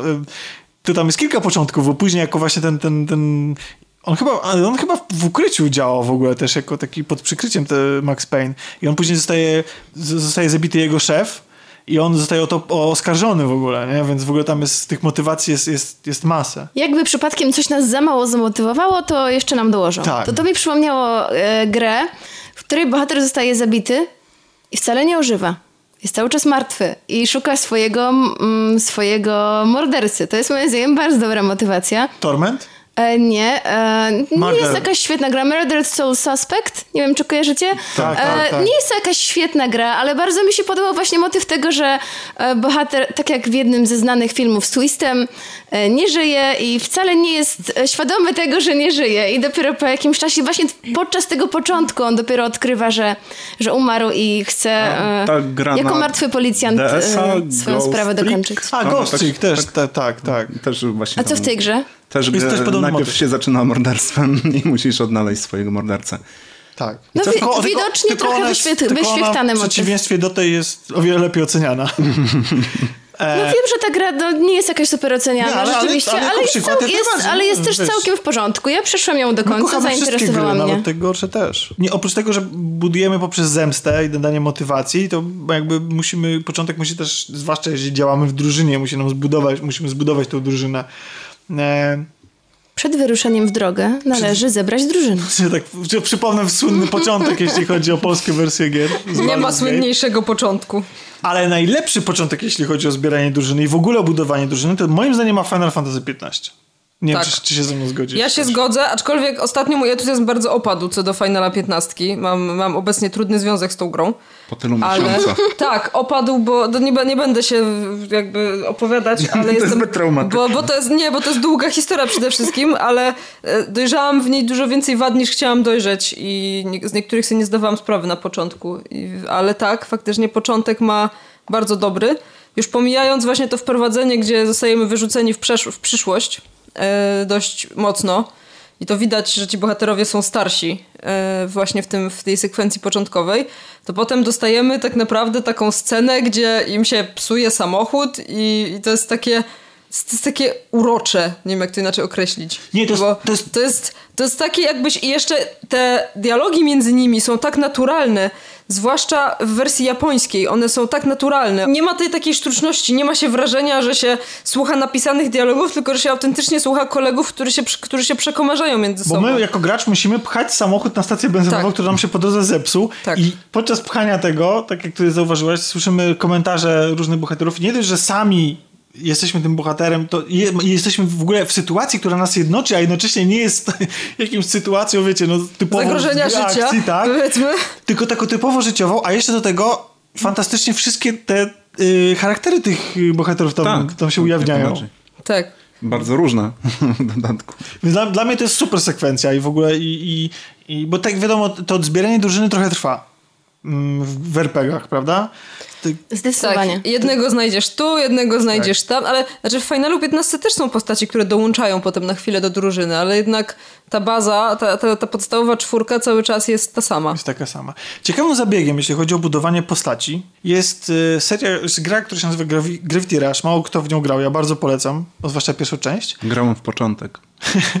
I tam jest tak, oczywiście jesteśmy, główna bohaterka ląduje w nieznanym sobie świecie, a, raz, jeden punkt spełniony, dwa, ma amnezję, nie pamiętam kim jest, dwa, ale świetny jest początek jej egzystencji w tym świecie, bo oprócz tego, że ona odkrywa sobie nowe moce, których musi się uczyć, trzy, spełniony e, warunek początku gry, to jeszcze oprócz tego mamy misję, która na przykład polega na tym, że ona musi sobie znaleźć miejsce do mieszkania, bo I urządzić. i urządzić. I to mnie strasznie urzekło. Bo to raz, że zbudowało naszą egzystencję w tym świecie, relację z tym światem, taką totalnie życiową, tak jak, nie wiem, przyjeżdżając do nowego miasta, to o czym pierwsze na początku myślimy, no to musimy sobie znaleźć jakiś lokum, musimy gdzieś e, wynająć, urządzić i tak dalej, musimy zacząć tam egzystować. I fantastycznie też zbudowało moją relację z tą bohaterką, która jest po prostu przeurocza, przesympatyczna i totalnie zapałem, zapałem nią z sympatią. Właśnie przez to zbieranie tych mebli. Do, do mebli i takich różnych rzeczy. To w ogóle nie jest żadna minigierka, gdzie musimy Tylko w japońskich bazę grach. Przez, przez, całą, przez całą grę. Nie, to jest, to jest... Nie powiedzieliśmy a propos japońskich gier. Nie powiedzieliśmy o... To w ogóle tu musimy to powiedzieć. Teraz właśnie, przerywając. Uwaga, przerywamy e, Specjalnie po to, żeby powiedzieć japońskiej grze. No jeden z najsłynniejszych początków gier ever to jest początek Metal Gear Solid pierwszego na PSX-ie. I to musi być odnotowane, żebyśmy, żeby ktoś nam nie zarzucił, że o tym nie Że Zapomnieliśmy. tyle razy. To, Na Tak. tylu platformach. Ile, ile można? Ale nie no, ale to jest taki... A końca ani razu. Nie? też? Nie, no nigdy nie skończyłem. Ja też nie. Jak można nie skończyć Metal Geara? No to jest- To jest gra na 3 godziny. No, można. Można. Jeżeli ja sam- ja po, po, potwierdzam, że można. Sam briefing to był pierwszy odcinek, dajcie do przerwy, dziękujemy.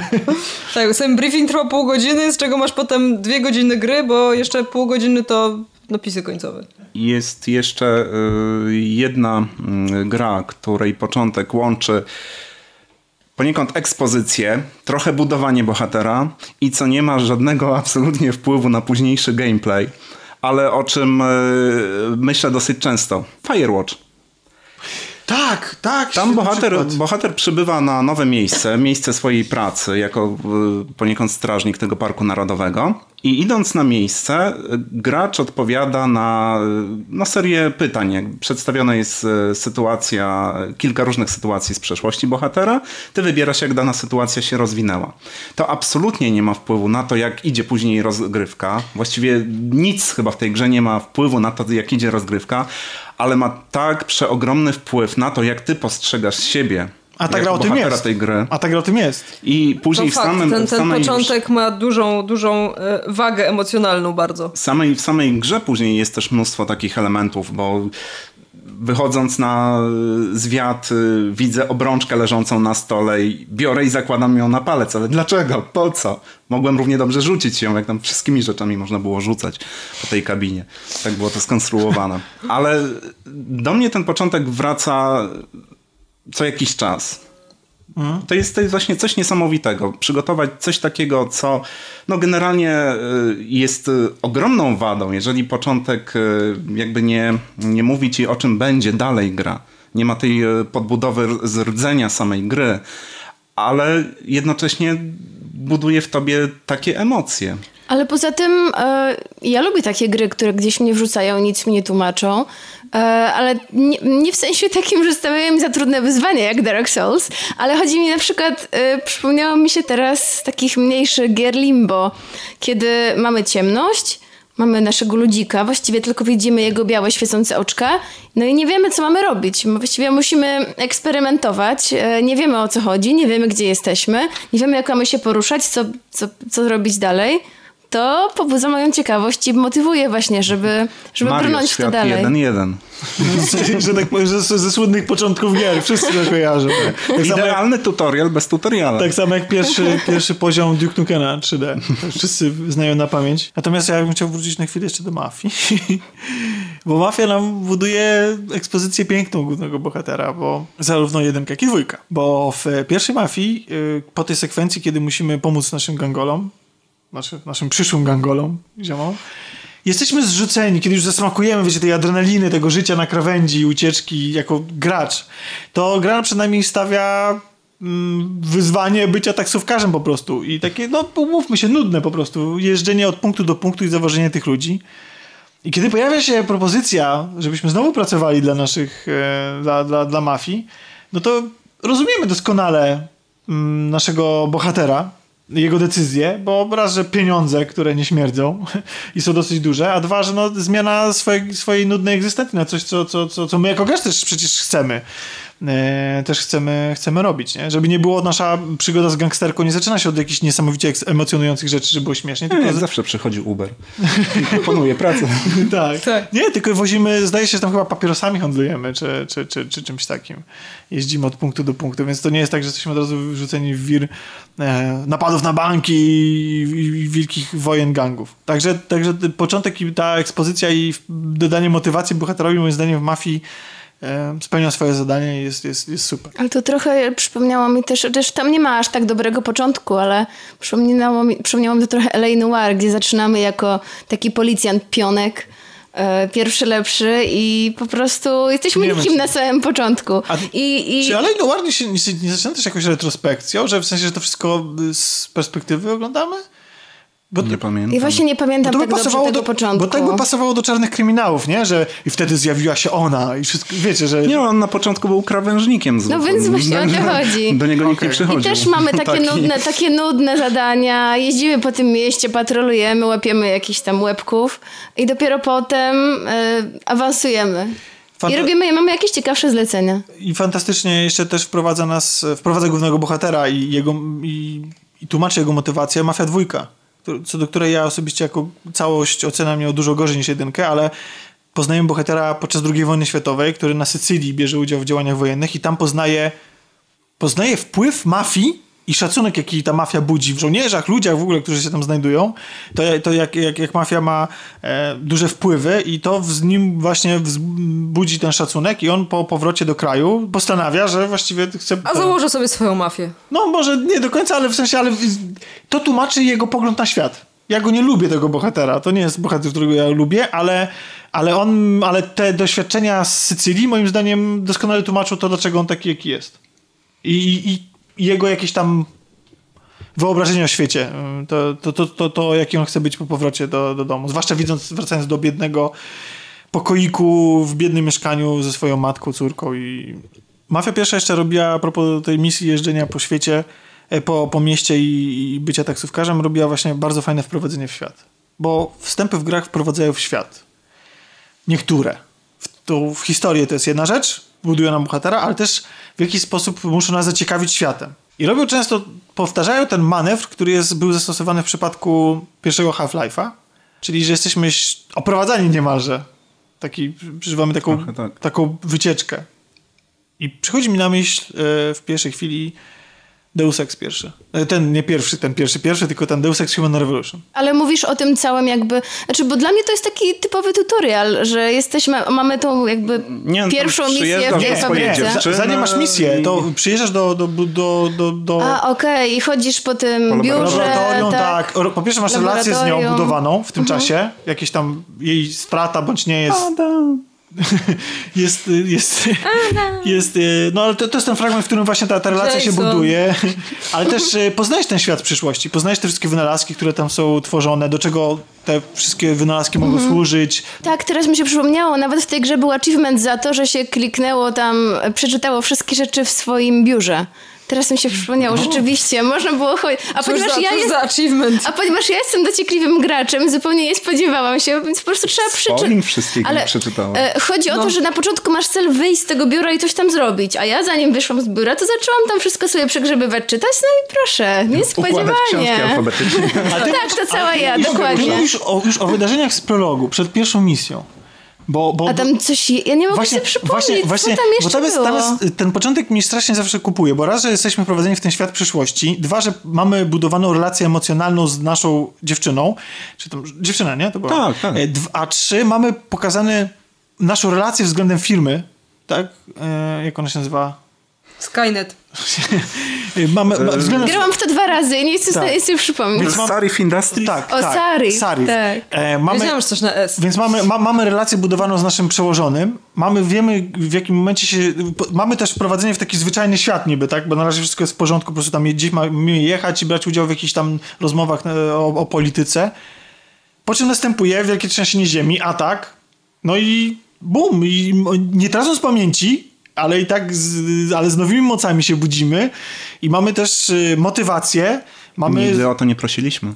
mamy ekspozycję tak. bohatera, mamy wprowadzenie w historię, bo chcemy się dowiedzieć, co się wtedy wydarzyło. No i mamy przede wszystkim bohatera, którego możemy sobie kreować i dodawać mu nowe moce i rozwijać w ramach mechaniki RPG, nie? Więc też jest świetny początek, moim zdaniem. Spełnia wszystkie te warunki początek Deus Exa. I uważam, że kolejna część już nie zrobiła tego tak dobrze. To znaczy, mm, nie podobało mi się to, że kiedy mamy tą długą sekwencję, że jesteśmy na dworcu kolejowym z jakąś tam agentką, e, jesteśmy tylko biernym obserwatorem. Nie możemy się nawet rozglądać, nie możemy, nie możemy nic zrobić. Moim zdaniem, jakby mhm. już teraz tak nie robi się gier. E, lubię, kiedy gra daje mi chociaż częściową możliwość interakcji w tym początku. Rzeczywiście coś się dzieje, ktoś jesteś... się oprowadza, coś... Jak Last of Us. A, właśnie. Ale ja coś mogę zrobić, mogę się odwrócić chociaż, mogę kliknąć, żeby mhm. przejść dalej. No wiecie, coś, coś już zadziałać, a nie, że ja, ja po prostu tylko oglądam to tak jak film. I to, co tutaj Tomek przywołał, bo The Last of Us też ma dwa początki. Najpierw mamy ten prolog z Sarą, który nam buduje bohatera. Tylko to, to jak on nam tego bohatera zbuduje, to jest fajnie, bo, yy, bo to konsekwencje tego prologu nie widzimy już na samym początku, yy, to co się dzieje po prologu, tylko dopiero właściwie cała wymowa gry. Ten prolog wpływa na całą wymowę gry po prostu i na tego bohatera, yy, na jego rozwój w trakcie gry, nie? Tak, ale y, sam ten prolog też jest y, mm, niejako podzielony na dwie części. No mamy y, trochę zbliżono do tego, co, co Kasia przed chwilą powiedziała. Jest taka mm, no dobra, może nie, bo nie jesteśmy takim czysto biernym obserwatorem. Możemy chodzić właśnie po tym domu jako Sara. I nie jesteśmy Joelem. I nie jesteśmy, nie jesteśmy tym e, głównym bohaterem e, samej gry, ale chodzimy jako Sara po domu, właśnie dowiadujemy się tych różnych rzeczy o zewnętrznym świecie, no i w końcu następuje ten atak, kiedy wpada jakiś już zarażony sąsiad, yy, zabity przez ojca i zaczyna się sekwencja ucieczki. E, I tutaj też jesteśmy nadal córką, e, siedzimy na tylnym siedzeniu samochodu, ale mamy jakby e, możliwość pełnego ruchu. Rozglądamy się, widzimy co się dzieje, jak narasta panika na zewnątrz. Na naszych oczach zmienia się świat. Dokładnie. Widzimy jakieś pożary tych e, zarażonych ludzi i to trwa jednak jakiś czas. Podróżujemy tym samochodem. Bardzo długo, prawdę mówiąc. Tak realistycznie. Nie ma tam żadnego cięcia. Po prostu jedziemy całą drogę do, do momentu wypadku, jedziemy całkowicie. I dopiero w którymś momencie, gdy dostajemy jakby postać Joela już pod swoje władanie, y, tam mamy już większe, większe możliwości działania. Y, jakieś akcje. Możemy tak biegać. No przede wszystkim poruszać się. Możemy biegać, ale to też jest, to też jest właściwie, też jesteśmy tak uwięzieni, nie? Bo musimy po prostu mamy wytyczoną ścieżkę, no bo to jest gra liniowa po prostu, ona nas wymaga od, od przebiegnięcia. Tak, no to prowadzi nas do pewnego tak. już celu konkretnego. Więc ten prolog ma, no to co się dzieje na końcu prologu, to ma zbudować przede wszystkim tą emocjonalną więź z bohaterem, no i pozwolić nam zrozumieć to, co się dzieje później w grze nadal mamy jakieś takie e, ostrożne podejście do spoilerów, chociaż była deklaracja na początku, że zupełnie znaczy, się nie okay, przejmujemy. Ja, dobra, uwa uważam, że to jest najbardziej emocjonalny początek, w jakikolwiek grałem w jakiejkolwiek grze. Jak ktoś nie gra w żadną grę i, i, i mnie odwiedza i ja chcę mu zaszczepić w nim szacunek do gier po prostu, bo ktoś uważa, że to są, nie wiem, rozrywka i gry dla dzieci i tak dalej, to mu puszczam, to jest, to mu puszczam ten początek. To jest najczęściej pokazywany przeze mnie początek jakiejkolwiek gry. Tomek, ja od razu od ciebie pożyczę. Jeśli masz. Śmiało po prostu. To, po prostu to, co się tam dzieje na, na, na końcu... Ja dopiero nadrabiam konsolowe zaległości. Jasne. To przede mną. Spe, specjalnie dla ciebie, żeby ci móc pożyczyć kupię remaster tej gry, bo mam ją na PS3 w wersji niestety tylko. Ale, o, czyli nie ma. Ale nie chcę ją mieć w wersji na PS4. Po prostu to jest absolutnie świetny, świetny początek i to, co się dzieje na końcu, no, możemy powiedzieć, no bo to nie jest żadna tajemnica, no Sara umiera, nie? Ale to, w jaki sposób umiera i to, w jaki sposób Joel się zachowuje, to, to wszystko jest fantastyczne, wyciska łzy i nie ma osoby, która by nie, na to nie zareagowała emocjonalnie. Ale potem mamy przeskok, mamy przeskok do przyszłości i tam jest z kolei spełniona inna funkcja początku. Właśnie tego wprowadzenia w świat. Bo jesteśmy Joelem w Bostonie, który jest już takim, taką dystopią trochę powiedzmy, e, rządzony przez e, silną ręką, przez jakąś tam organizację, e, przez rząd po to, żeby no, trzymać w, w ryzach to społeczeństwo, które jest zagrożone epidemią. I sobie spacerujemy po tym Bostonie, prawda? Bo idziemy tam, mamy jakieś... Tak, to jest chyba powrót z jakiejś misji, tak? Tak, nie, nie, nie, oni się dziś wybierają, mają coś odebrać, z kim się spotkać i tak dalej. Mamy dokładnie podobną sekwencję jak do Deus Exa, gdzie spacerujemy sobie po prostu po jakimś określonym obszarze i oglądamy tu rzeczywistość. Jesteśmy świadkami pewnych sytuacji. Oskryptowanych, wyreżyserowanych, ale to mhm. pozwala nas, nam się wciągnąć w ten świat i zrozumieć mniej więcej na jakich on zasadach funkcjonuje w ramach tej, tej społeczności w Bostonie po prostu. I to jest, to jest moim zdaniem też jest ta, ta funkcja tutaj spełniona i bardzo fajna. Nie będę już mafii przywoływał, bo już mówiłem o tym, że to właśnie... Ale możesz, naprawdę. Oczywiście się zastanawiam, czy jak... Jak robi to Tom Prider, ten z 2013 roku? Bo on to robi bardzo fajnie e, też. E, cała ta wyspa jest dla nas non-stop tajemnicą i jesteśmy, odkrywanie jej to jest, to, to jest dla nas jakaś taka, e, taka frajda. Jaka gra jeszcze fajnie wprowadza w świat? Gra, która może. Gra, która oferuje w ogóle cały świat do dyspozycji. E, Bioshock Infinite. No. Przecież. Bo no tam, właśnie, o, tam też jest. A propos Bioshocka, tak? Bo mówiliśmy o jedynce, o jedynce. Ale mamy jeszcze Bioshock Infinite, który ma początek. Ja jak mówię Bioshock Infinite, to słyszę w głowie tą melodię, która się pojawia Ach. na początku, tą śpiewaną przez chór. Mhm. Bo tam też jest taka scena, że my tak naprawdę nie wiemy, co się z nami dzieje. Nie wiemy, gdzie nas zaraz wyślą. Wiemy tylko, że siadamy w jakimś dziwnym urządzeniu i jesteśmy wystrzeliwani w powietrze. Ale I... zanim jeszcze nas wystrzelą, to jest taka sekwencja trochę taka w klimacie noir. Tak, e, coś tam się wydarzyło, jakieś mieszkanie. Dobrze pamiętam, że to w jakiejś latarni morskiej. Tak, tak, tak. Tak, i tam się właśnie wchodzi. A jeszcze pamiętam, że na taki... początku jeszcze jest pokazane, że coś się wydarzyło. Jakieś mieszkanie, coś tam tak, nie tak, wiemy tak, jeszcze. Tak, jakaś taka cutscenka. I Dopiero i, potem i się jesteśmy... to wyjaśnia. Mi się wydaje, że ta gra się zaczyna w łódce. To jest gra o facecie w łódce. Ja gra o facecie w łódce to on nigdy, nie wyszedł z on nigdy nie wyszedł z tej łódki tak naprawdę. Jemu się to wszystko przyśniło, bo się naćpał. Nie, ale chyba to była latarnia rzeczywiście. E, ale tak, chodzi, chodzi mi o ten moment, kiedy, no bo to jest początek, początek. A później mamy ten moment, kiedy bohater już się budzi w tej mieście, w Kolumbii kiedy się budzi w klasztorze, właśnie gdzie słychać ten chór śpiewający i jest ta, i są te kolory. I ja pamiętam, że się nie mogłam na zachwycać tym, jak to wygląda. Spacerowałam po tym klasztorze i po tym mieście, po prostu się rozglądając dookoła, ta, z takimi po prostu rozdziawionymi, rozdziawioną gębą. Mam jedną.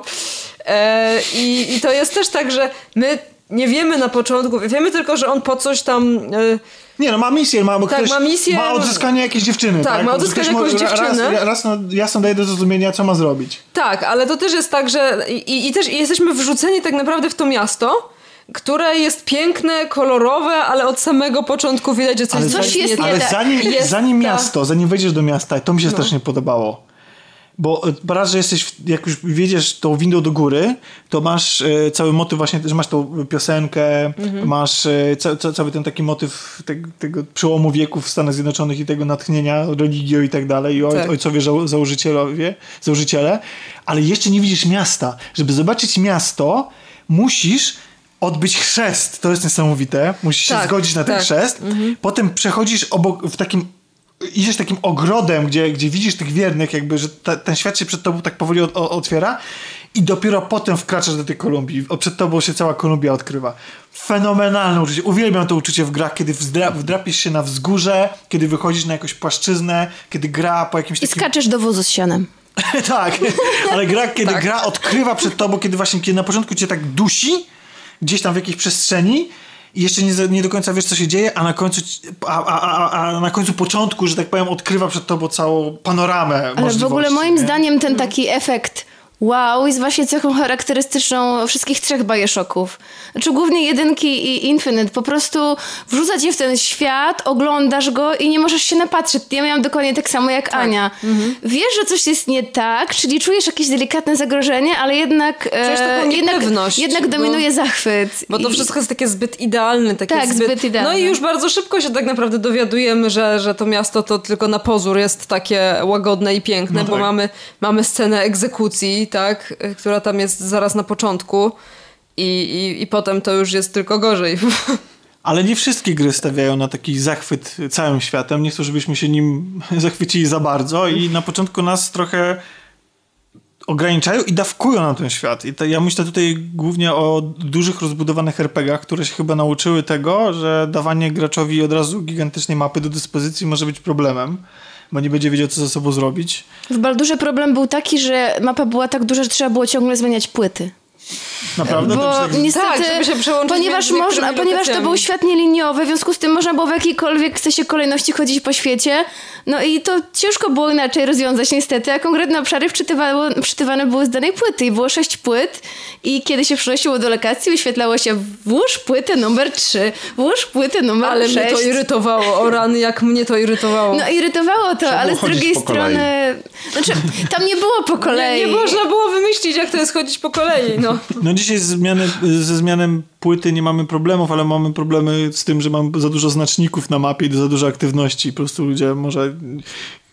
Znaczy prowadzą tą historię, próbują coś zbudować, nauczyć gracza funkcjonowania w tym świecie. Na początku jesteśmy ograniczani i tak robi to świetnie moim zdaniem e, Wiedźmin, trójka, który daje nam do dyspozycji na początku biały sad i daje nam do dyspozycji taką, jeden z głównych questów, właściwie główny quest, który możemy rozpocząć tą przygodę z grą i ją zakończyć nawet na tym questie i nie będziemy jakoś specjalnie statni, bo on jest po prostu świetny. Mówię o tym zleceniu na Gryfa, który nas bardzo fajnie wprowadza w, w historię, w, w możliwości fabularne, jakie oferuje ta gra. Łatwo się nim zachwycić właśnie, tak- mi się wydaje, bo tam jest dużo, choćby ten, ten, ten, ten quest z Kowalem, który, który jest podpalony chyba jego, je- jego, jego zakład pracy i pomaga mu złapać y, tego, który, który to zrobił, albo z myśliwym, który się okazuje, że jest y, homoseksualistą i jest z tego powodu prześladowany. Czyli całą tę lokację początkową rozpatrujesz jako jeszcze właśnie początek. Tak, absolutnie. Tylko początek. Tak, tak, tak, bo to jest. Tak, bo masz- później, to co zobaczysz później, to, to do swojego uzmysłowi, że to jest początek i to bardzo. Ale tutaj w takiej e, mikro skali masz zamknięte wszystkie możliwości, jakie później daje ci do dyspozycji gra. Tak No i to, to jest... Przy, przypomniał mi się jakiś komentarz w internecie, gdzie ktoś pisał, że jak zobaczył, jak wygląda cała mapa w Wiedźminie, to stwierdził, że nie będzie w to grał, bo jest za mała, bo nie wiedział, że się wychodzi poza No. tą pierwszą mapę. Ale, no ten, ale ten zamknięty początkowy obszar to też jest to właśnie to klasyczne pierwsze więzienie. W nie tylko RPGach, w wielu grach właśnie jest. Tam się, tam się na początku pojawiamy, musimy z niego uciec i gra nam po kolei prezentuje, co możemy, jak mamy to robić i tak dalej. No właśnie, bo to jest też kolejna funkcja początku, czyli przede wszystkim nauczenie nas, którym się bije i którym się szczela. czyli mechanizm. Którym się broni. Tak, jak się skradać, jak się schować. Tak jak powiedziałeś ty o tym więzieniu, to myślę, że tak, dla RPGów takim bardzo charakterystycznym jest motyw tych pierwszych zleceń na szczury, co? Jak się idzie. Bo tak, zabij szczury w gospodzie. Zawsze zabija szczury. Gdzieś tam A nie, w Baldurze dwójce od razu były lochy u Irenikusa, czyli wrzucałam ją nas, nas od razu w historię i tam mamy... E, w tych lochach mamy jakieś tam e, pierwsze zadania i w momencie, kiedy z nich wychodzimy, ginie nasza siostra i potem celem naszej całej gry jest odnalezienie tej siostry. Której ja bardzo nie lubiłam w jedynce, więc Znaczy dwójce ona wcale nie ginie w chciałam sensie, że jej. znika, nie, Czy że- znika, tak, znika. E, I ja w jedynce w Baldurze wcale jej nie lubiłam, więc w dwójce wcale nie miałam to właśnie ciekawe, motywacji, żeby ją To odzyskać. ja, Imoen. No właśnie, a jeszcze w dwójce miała straszny taki To rosyjski też akcent. Franceski czytał. Tak. Imoen też była Frączewskim. A to jest bardzo Ale to fakt, ciekawe. ona była wkurzająca. Ja pamiętam, że też nie mogłam jej zdzierżyć. Ja od razu byłam wywaliłam ją bardzo- z ekipy. I byłam bardzo zła, była bardzo zła, że Znalazła ją szukać. No więc widzisz, ale to Tak. jest ciekawe, że jakby bazują na tym, że większość graczy jest przywiązanych do tej, a nie innej postaci, w związku z tym tę postać zabierzemy i to uczynimy motywacją. A nie dali nam prawdziwej motywacji, tylko tak jakby, jak, jak ja i Ania nie lubiłyśmy tej postaci i wcale nam się nie chciało jej szukać, a to jest Kobiety. główny cel gry. Mińska i Bubym szukała z większą przyjemnością niż, niż Imoen. No ale okej. No. No ale oprócz RPGów mamy też jeszcze inne gatunki i one nam tłumaczą... Tak, w- mamy. I one nam próbują tłumaczyć tą mechanikę w, w różny sposób i chyba obecnie najczęściej stosowaną, wydaje mi się, że to jest mechanika, którą wprowadziło takim zabiegiem, który wprowadził e, pierwsze Halo, które, gdzie budzimy się na samym początku jako Master Chief w kombinezonie i przeprowadzamy po prostu testy tego kombinezonu. Mamy się rozejrzeć w lewo, w prawo, górę, dół, coś czego gry w ogóle wcześniej kompletnie się sobie nie zawracały tym głowy, po prostu masz i graj i, i dowiedz się, że spacją się otwiera drzwi, a... Bardzo często są nawet treningi, właśnie idź na strzelnicę, wyprób- wypróbuj broń taką, wypróbuj broń taką. I to jest właśnie rozwinięcie tej idei, którą widać w serii Call of Duty. W Modern Warfare e, chociażby właśnie się w ten sposób zaczyna, tak? Czy, czy, czy, czy... Misja, której nikt nie pamięta. W tak wielu grach, to, że nawet nie przychodzą mi konkretne tytuły do głowy, No, naprawdę. Metroid, ostatnio odpaliłem sobie, powróciłem do Metroid Other M, który się dokładnie tak samo zaczyna właśnie takim testem bardzo długim. W Killzone trzecim też przecież wchodzisz na strzelnicę zaraz prawie na początku.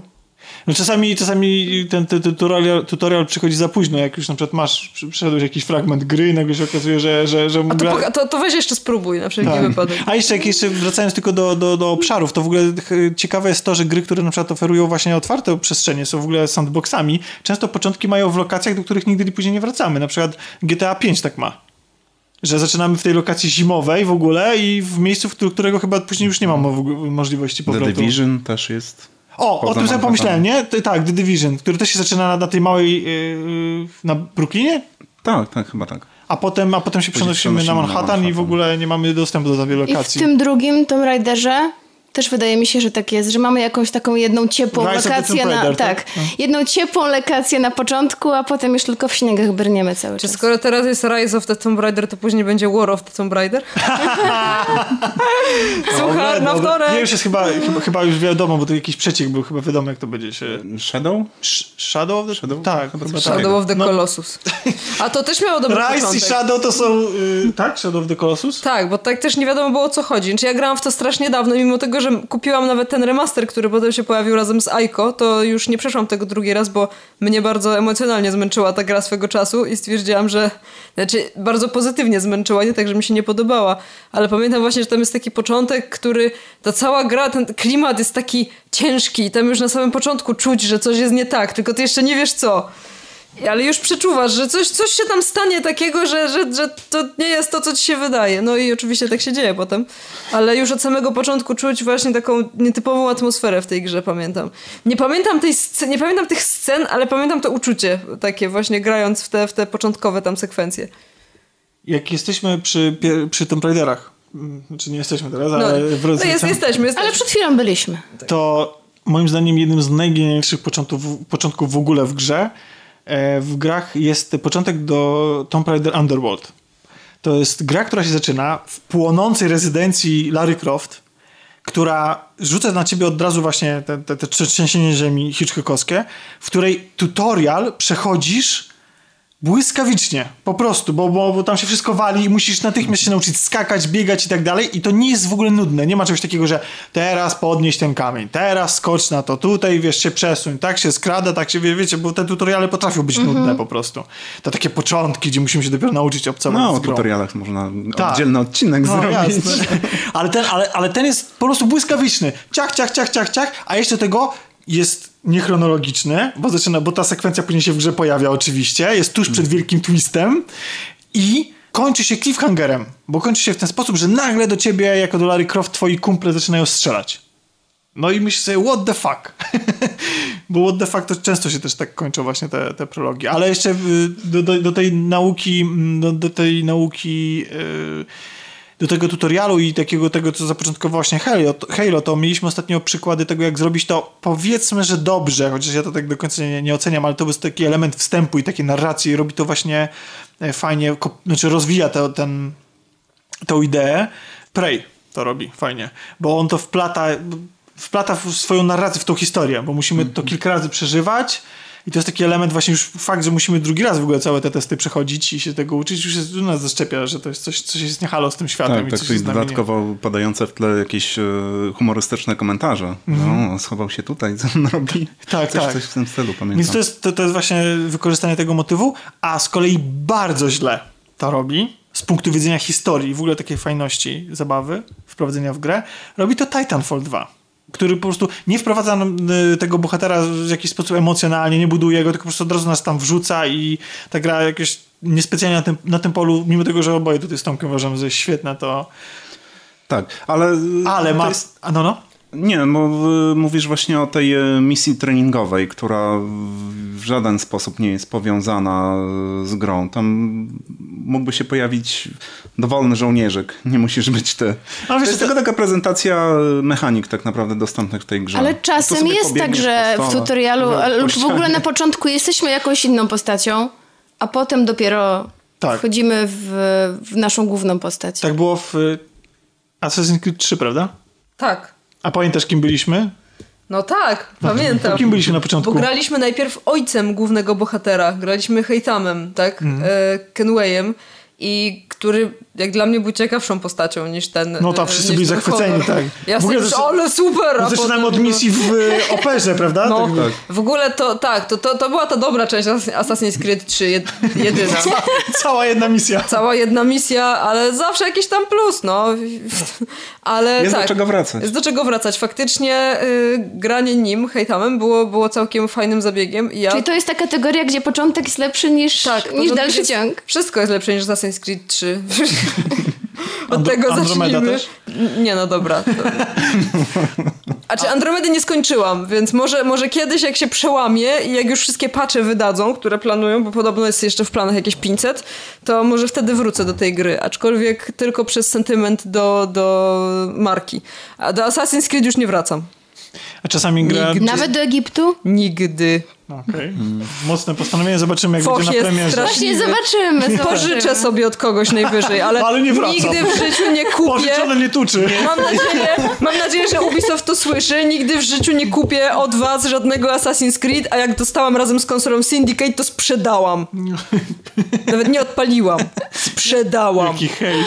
No, skończyłam, możemy przejść dalej. Chciałbym powiedzieć, że czasami gry ukrywają przed nami to, kim gramy, chcą nas zaskoczyć. I na przykład y, tak się rozpoczyna Gravity Rush 2, w którym rozpoczynamy sekwencją w kopalni, powiedzmy, diamentów, takich specjalnych kryształów i I tam jesteśmy, sterujemy postacią, która jest w kombinezonie, komunikuje się za pomocą takiej interkom e, i do samego końca nie wiemy, kim my jesteśmy, tak? I co to jest w ogóle, w jakiej sytuacji się znaleźliśmy. I później następuje zdjęcie hełmu i a, okej, okay, to tą postacią. Tutaj jeszcze wróćmy do, do Titanfalla na chwilę dwójki, bo e, ja chyba wiem, co oni tam chcieli zrobić trochę w tym początku. Oni chcieli tam zbudować relację twoją z tym twoim dowódcą, w sensie twoją graczu drogi mm, i z tym dowódcą i też zaszczepić w tobie taką, bo, prawda, bo ten, ten główny bohater aspiruje do dobycia tego, tym pilotem em, tak, tytanów, no, ten prawda? dowódca jest takim jego mentorem, prawda, go wspiera w tym dążeniu i oczywiście marnie kończy. Tak, no i, te, no i oczywiście ta sekwencja jest też wielokrotnie powtarzana przez wielu, jako, bo to jest strasznie trudna sekwencja, a propos tych trudnych sekwencji i, i żeby tam ludzie na, na achievementy się prześcigają i, i robią na czas tą, tą sekwencję, żeby ją przebiec. Powiedzieliśmy o tej mechanice właściwie tylko dotyczącej FPS-ów, nie? A jak inne gry sobie radzą z e, tutorialami albo z początkami? Jak robią w ogóle plat platformówki, to jest oczywista rzecz, to nie? Mówiliśmy o szczurach. Za pierwsza no misja tak. to, taka łatwa, że masz zrobić coś łatwego. Albo albo zabić jakieś istotki typu szczury, albo pająki, albo coś w tym stylu, albo iść nazbierać jakichś kwiatków, to, e, zabrać komuś jakieś materiały. Bo to, mnie, bo to mnie, prawdę mówiąc, przeraża w grach, które mają skomplikowane systemy, że na początku jesteś rzucony w te systemy i, tak, i gra ci bardzo często po prostu zarzuca cię masą dialogów, masą okienek. Jak otwierasz menu za pierwszym razem, no nie wiem, są ludzie, którzy to lubią, nie? Ale dla mnie po prostu tak jestem konsolowym graczem, mimo tego, że spędziłem swoje dzieciństwo na PC-cie. Ale dla mnie, jak ja otwieram grę i widzę pierdyliard ikonek, możliwości, to jest trochę przerażające i ten początek może powinien być trochę łagodniejszy w takim wypadku. Nie, ale są gry, które mm, stosują coś takiego, że stopniowo jakby odkrywają przed tobą kolejne elementy interfejsu. Albo nawet I mamy zablokowane niektóre menu. funkcje zupełnie. Tak, dokładnie. Hmm. I dopiero z czasem, gdy poznajesz w trakcie gry kolejne Zwykle to jest jakoś tam umotywowane fabularnie, na przykład o, docierasz to, to gdzieś ideał, tam, prawda? docierasz gdzieś tam i oni się uczą magii, potem docierasz gdzieś tam jeszcze indziej i ktoś tam ci daje jakiś magiczny miecz, w związku z tym zdobywasz umiejętność taką i taką, w związku z tym to zwykle tak się dzieje, że nie, masz, nie jesteś narzucony tymi ikonkami, tymi możliwościami tak od razu wszystkimi. Z takich początków gier, które mają w ogóle bardzo duży wpływ później na gameplay, to na pewno trzeba wymienić Until Dawn, może. Tylko nikt z nas nie grał. E, ale też, ale, ale, ale Wolfenstein, myślę, że... Wolf... O, a chciałam powiedzieć, ale tak jakoś mi wyleciało potem. Bo on, on w ogóle się zaczyna jak zupełnie inaczej niż... On, o, to jest początek, który bardzo dużo ludzi zniechęca, bo on się zaczyna jak Call of Duty. Szturmem, prawda? Na, ty grałaś to? Tak, no. tak, grałam, grałam. I on się że szturmem na, tak, na, tak. na zamek Wolfenstein e, i taką właśnie typowo dla Call of Duty taką rozwałką, ale kończy się wyborem no, moralnym to może za dużo powiedziane, no bo właściwie nie wiadomo kogo wybrać, albo jednego bardziej lubimy, drugiego mniej, ale musimy zdecydować, kto ma przeżyć. Kto ma przeżyć, tak, kto od, będzie zabity. I od tego zależy to, kto będzie nam towarzyszył później w dalszej części gry, która w ogóle nie przypomina tego początku, nie? Żeby było mhm. lepiej. No, ale z drugiej strony mi się nie do końca podobało to, że każą nam wybierać, bo ja nie miałam czym się do końca kierować tak naprawdę nie, no właśnie, nie tak, poznajesz to, tych postaci. Bo to za szybko następuje. Nie no. poznajesz tych postaci i nie, nie wiążesz ani z nimi się emocjonalnie, ani nie wiesz, czy ci pomogą jakoś, ani jakie mają charaktery. O, jak, jak z więzienia, a propos uciekania z więzienia, to mi się przypomniał, Gears of War się tak zaczynają przecież. Mm, no, tak. Pierwsza część. Tak. Przechodzą tak. po ciebie kumple. Tak, tak. Więc... To Oblivion się tak zaczyna, ale to jest tak bez sensu. Pomijając to, że tam Patrick Stewart podkłada głos pod cesarza, co ma dużo sensu, ale to jest... E, A w Skyrimie jedziemy na egzekucję, widzicie? Też wszystko to, nam się teraz przypomina. To jest głupota w ogóle z tym, z tym początkiem, ale w Oblivionie no jest takie, coś, coś takiego, że masz e, tajne przejście akurat w twojej celi i przychodzi cesarz z, ze swoją obstawą i no to uciekamy. Nie, no w sumie weźmy go ze sobą. I tak się zaczyna gra. A w Skyrimie, w Skyrimie... Jesteśmy chyba na jakimś wozie tak, i na, na egzekucję nas wiozą. Na egzekucję, ale to jest y, tak słabo zrealizowane. Słabo, ale no, troszeczkę interaktywne, bo tam się rozglądamy A to jest właśnie niby... aż za bardzo, bo ty tak tutaj, tutaj, tutaj musi się patrzeć. Tutaj w jedną, drugą stronę. Ale ja się zastanawiałam już, jak ucieknę. Ja już trochę mi tam coś kiekowało. Co mam zrobić? To jest, Co mam to zrobić? jest też y, kawałek tego, o czym Tomek mówił, że tam w którymś momencie następuje wow. Bo ty jesteś cały czas na powierzchni jakby. Tylko jak cię wiozą, to jedziesz jakąś taką... Tak, w Skyrimie jedziesz taką wąską e, drogą, tutaj zaraz masz góry, tutaj jakieś drzewa, nic nie widzisz. E, I dopiero po scenie w wiosce lądujesz w jakimś tam lochu i przez ten loch jak przechodzisz, dopiero właśnie masz tą mm -hmm. scenę z wistą taką, jeszcze smok ci przylatuje. Czyli znowu mamy idealny początek który ci tam wprowadza wiele tych elementów, próbuje przynajmniej wprowadzać. No, Skyrim akurat ma taki Ej, sobie początek. A czy, znaczy, czy to znaczy, że wszystkie gry z fabułą zaczynają się tak samo? No, no w pewnym sensie tak. Ale jeżeli chodzi, jeżeli chodzi pod kon, y, o, początki pod kątem narracyjnym, no to jasne, to będą cały czas te same motywy, bo gry są po prostu kolejnym medium opowiadania historii, tak jak wcześniej były, nie wiem, rysunki na skalę, teatr, książka, y, film. Mhm. Narracyjnie to jest dokładnie to samo, ale są odrębnym gatunkiem pod właśnie kątem tego, że masz tam możliwość interakcji. I teraz jest I muszę pytanie, cię nauczyć tej interakcji przy okazji. I, I, dokładnie, jak y, sam gameplay zostanie w tym wykorzystany, bo możesz mieć wprowadzenie tylko w postaci filmiku. Mhm ale zobacz ile tracisz. Już teraz coraz częściej się odchodzi od takich zupełnie nieinteraktywnych początków. Dokładnie, masz e, coraz większe możliwości techniczne i e, to jest oczywista sprawa, że takie interaktywne wstępy do gier dużo bardziej oddziaływują e, z graczem. No tak, bo przede wszystkim dają ci od razu, nie nudzić się przy tą konsolą, bo jak masz, w Metal, Metal Geary to mają, niestety mają bardzo długie początki, znaczy mnie, dla mnie to nie przeszkadza, ja mogę oglądać, ja w ogóle uwielbiam film interaktywny, więc dla mnie oglądanie i rzadkie sięganie popadań mi to nie przeszkadza, jeśli to ma sens. E, ale, ale no, właśnie, ale to jest Metal Gear mają strasznie, mają tam pół godziny oglądasz film po prostu. Które nie? się nie sprowadza do tego, że x, x, x, żeby dalej. Mm -hmm. Tylko, że tam czujesz, że jesteś w tej przestrzeni, że ten, ten wstęp jest, bo tak, bo kiedyś było intro, ale z tych słynnych, ale kiedyś, kiedyś to były intra. Mm. Intro do Tekkenów, intro do Final Fantasy. No. E, to były po prostu, nie? To... Właśnie, a propos Tekkenów, bo e, tak mi też przyszło na myśl. Chciałam was zapytać, bo nie znam się tak bardzo na bijatykach, ale grałam na przykład w ostatnie dwa Mortale. Tutaj. W ostatnie dwa Mortale grałam i tam naprawdę nie ma jakiegoś takiego sensownego początku, który by nas fajnie wprowadzał. Ani w... Mortal Kombat y, 9 no. Kończy się tym, zaczyna się tym... A właśnie nie kończy, zaczyna. O, on się zaczyna końcem Mortal Poprzed Kombat Armageddon. Armageddonu. Czyli to jest kontynuacja, wiesz? Mimo tego, że się cofa do początku. reboot, który wykorzystuje to, co było. To jest taki miękki reboot, czyli nie odcina się od tego, co było do tej pory, tylko wiesz, ale czyli właściwie faktycznie ten gra się nazywa Mortal Kombat i to by sugerowało, miękki że to jest reboot. pierwsza część, a... No bo to, to, to, to, jest taki dziwny, ale masz rację, faktycznie, jak ktoś nie, nie, nie ma... Nie... Ja nie byłam wcześniej zupełnie wdrożona w tę historię i nie zapamiętałam a, tego okay, początku okay. I, i wydał mi się całkowicie jakiś nie oderwany. Jeszcze mi się tylko przypomniała gra, w której zaczyna się dzieckiem i, i cały czas się jest dzieckiem. Jaka to gra? Chodzi o to, że e, tak mówiliście o tym, że na początku jest się dzieckiem, a potem, e, potem się dorasta.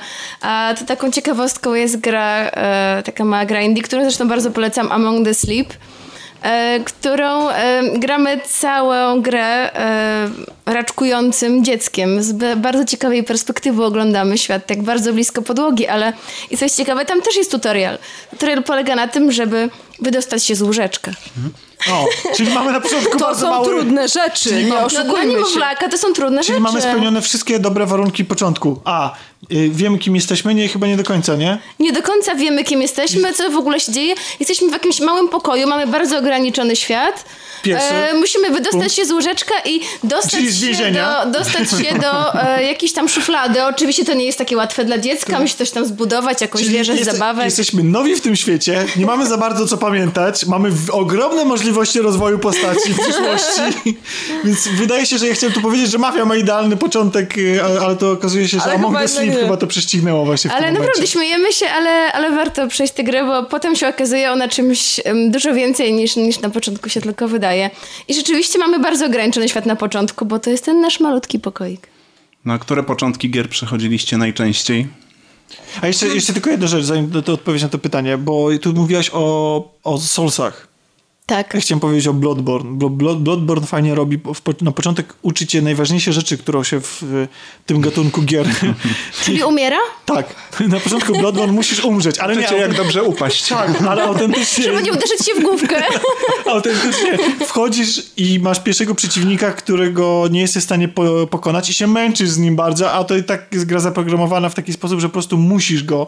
Musisz przegrać tę walkę. Mm. Musisz zginąć. Zresztą gry to często robią w początkach. To też jest tak. taki wstęp do motywacji prawda? To, że musisz ścigać jakiegoś złego albo odegrać się na kimś, kto ci zrobił krzywdę albo cię po prostu pokonał, nie? Że mhm. początek się kończy... Musisz rozbudować to... bohatera, zdobyć tak. nowe umiejętności, aby sprostać wyzwaniu. Tak, tak, które tak. na początku jest za trudne. No właśnie, ale Tomku, pytałeś o tym, o...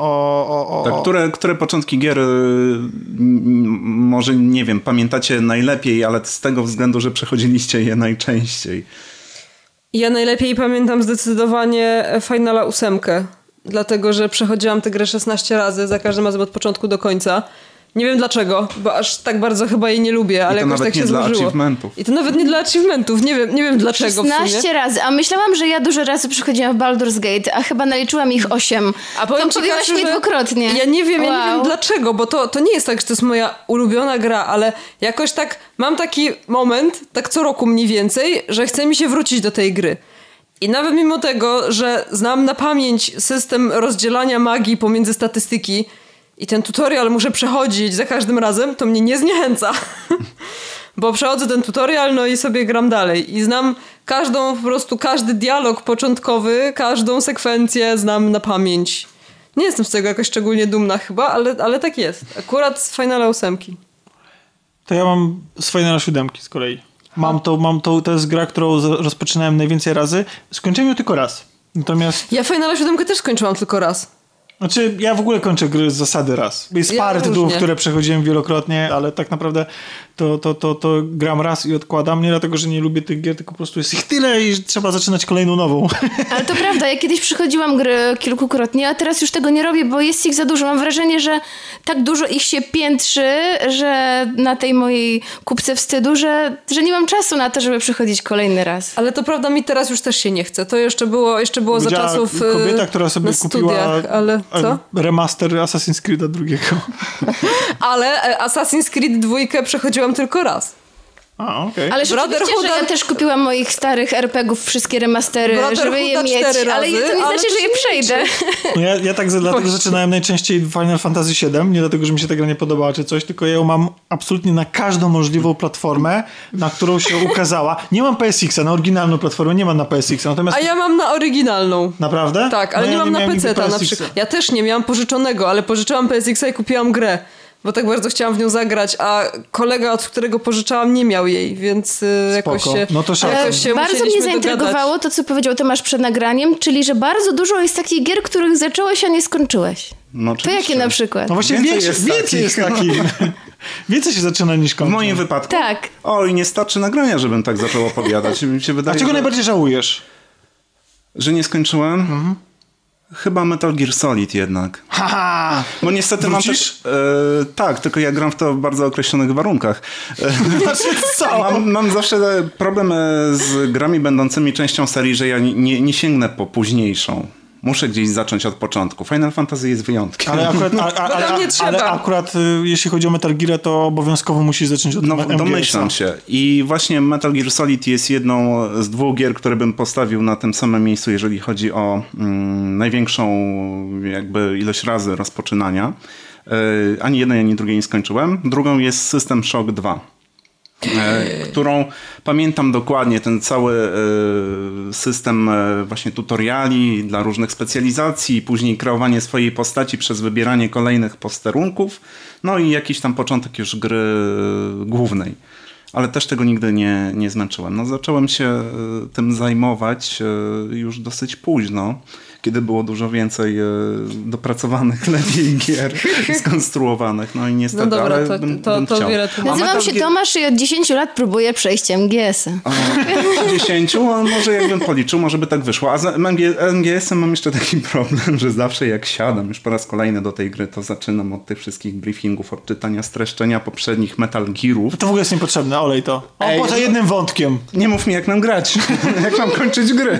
I właśnie nie kończyć gry. I później, później oglądam te briefingi, które w sumie chyba z pół godziny czasu zajmują. Nie wiem, może kiedyś A poza tym po, Jak się skończą po... briefingi, to twierdzisz, że czas iść spać i generalnie... Najdalej doszedłem chyba do misji e, ze snajperką. Nie wierzę. Nie wierzę, że dochodzisz do, do wilków i, i odpuszczasz tą grę. Po prostu nie wierzę. To jest, to jest w ogóle. A, ale przeszedłeś ją? To, to, to... Tak, tak, tak. Czyli, czyli Otakon po prostu miałaś scenę no miłosną z, z Otakonem? Coś, to, coś tam się zaczyna dziać, jakaś inna gra się pojawia. No i sobie odpuszczam, zajmuję się inną grą. I to jest właśnie problem. Dlatego ja postanowiłam sobie, hmm. że e, muszę skończyć grę, zanim zacznę kolejną i bardzo się tego trzymam, chociaż czasami naginam, ale dzięki temu kończę dużo więcej gier niż kończyłam wcześniej. Nie zaczynam, żeby się nie rozproszyć kolejną grą. Bo dobre gry poznaje się po tym, jak się kończą. A nie jak się zaczynają. A jak się zaczynają. Ale o tym może sobie powiemy w następnym odcinku który mam nadzieję, że nie, że nastąpi. No może nie będzie to podcast, który będzie się ukazywał tak regularnie jak kolaudacja. Myślę, że po prostu... Której nie będzie w tym tygodniu. Nie, no, a, Tomku, no, Tomku. Wytnij, wytnij. Nie, nie, nie wiemy w jakim tygodniu to wyjdzie. To wyjdzie w którym roku. To wyjdzie, to wyjdzie we wrześniu, bo jak tego słuchacie, to jest y, cudowny, rzeźki, ale słoneczny i złoty polski wrzesień, mam nadzieję, bo my to nagrywamy w absolutnie skandalicznych warunkach, gdzie leje się z nas pod ciurkiem, jest początek sierpnia, jest po prostu straszny ukrop, więc e, jak teraz słuchacie nas w przyszłości narzekacie, że może nie jest tak ym, ciepło. Jak komuś jest za zimno. Tak, to, to przypomnijcie sobie, że było o wiele cieplej i że y, czasem... O wiele gorzej. Super, tak. Ale Jeśli zawsze... słuchacie nas w przyszłości, to tak brzmi jak bardzo dobry cytat z jakiegoś filmu. O podróżach w czasie. Tak. To brzmi jak y, po, dobry początek, wstęp do czegoś fajnego. to co? Żegnamy się, mam nadzieję, że wam się podobało. Będziemy się starać też opowiadać o jakichś grach, które przeszliśmy i tak dalej. Ja bym chciał dzisiaj opowiedzieć o grze, o której chcę odpowiedzieć od pół roku, a nie mogę, ale to musi spaść na następne nagranie. Jeśli skandalicznie pominęliśmy jakieś początki, to oczywiście nie, prosimy to oczywiście. O, o komentarze, ganienie, chwalenie. Wasze ulubione, może coś przeinaczyliśmy, może nie do końca pamiętamy tak, jak się to faktycznie zaczynało, ale przede wszystkim chcemy poznać wasze ulubione początki. I najmniej ulubione początki. Też, tak. I tak. początki, które widzieliście najwięcej razem. Wiem, jaki jest mój najmniej ulubiony początek. To jest, wiecie co to jest? To jest Gran Mafia. Turismo 5. Gran Turismo 5 które po prostu zaczyna się od tego, że pierwszy wyścig jaki jedziesz, to jedziesz niemalże meleksem. Rozumiecie, to jest gra o ściganiu się potężnymi furami, potężnymi w sensie mocy e, i no nie, po prostu dostałem jakiegoś Nissana na elektrycznego i po prostu to jest, no jak zniechęcić do gry? No po prostu nie, nie, nie, nie. Odinstalowała, a instalowała się jakieś, nie wiem, chyba za 4 godziny ta gra. Strasznie długo się instalowała na PS3. Tak. I tym y, negatywnym akcentem kończąc, y, dzięki wielkie, to był Dajcie to przejdę podcast y, o grach inicjatywy Wszystko Gra. Zapraszam na ten odcinek. Pa, pa. pa. Do usłyszenia.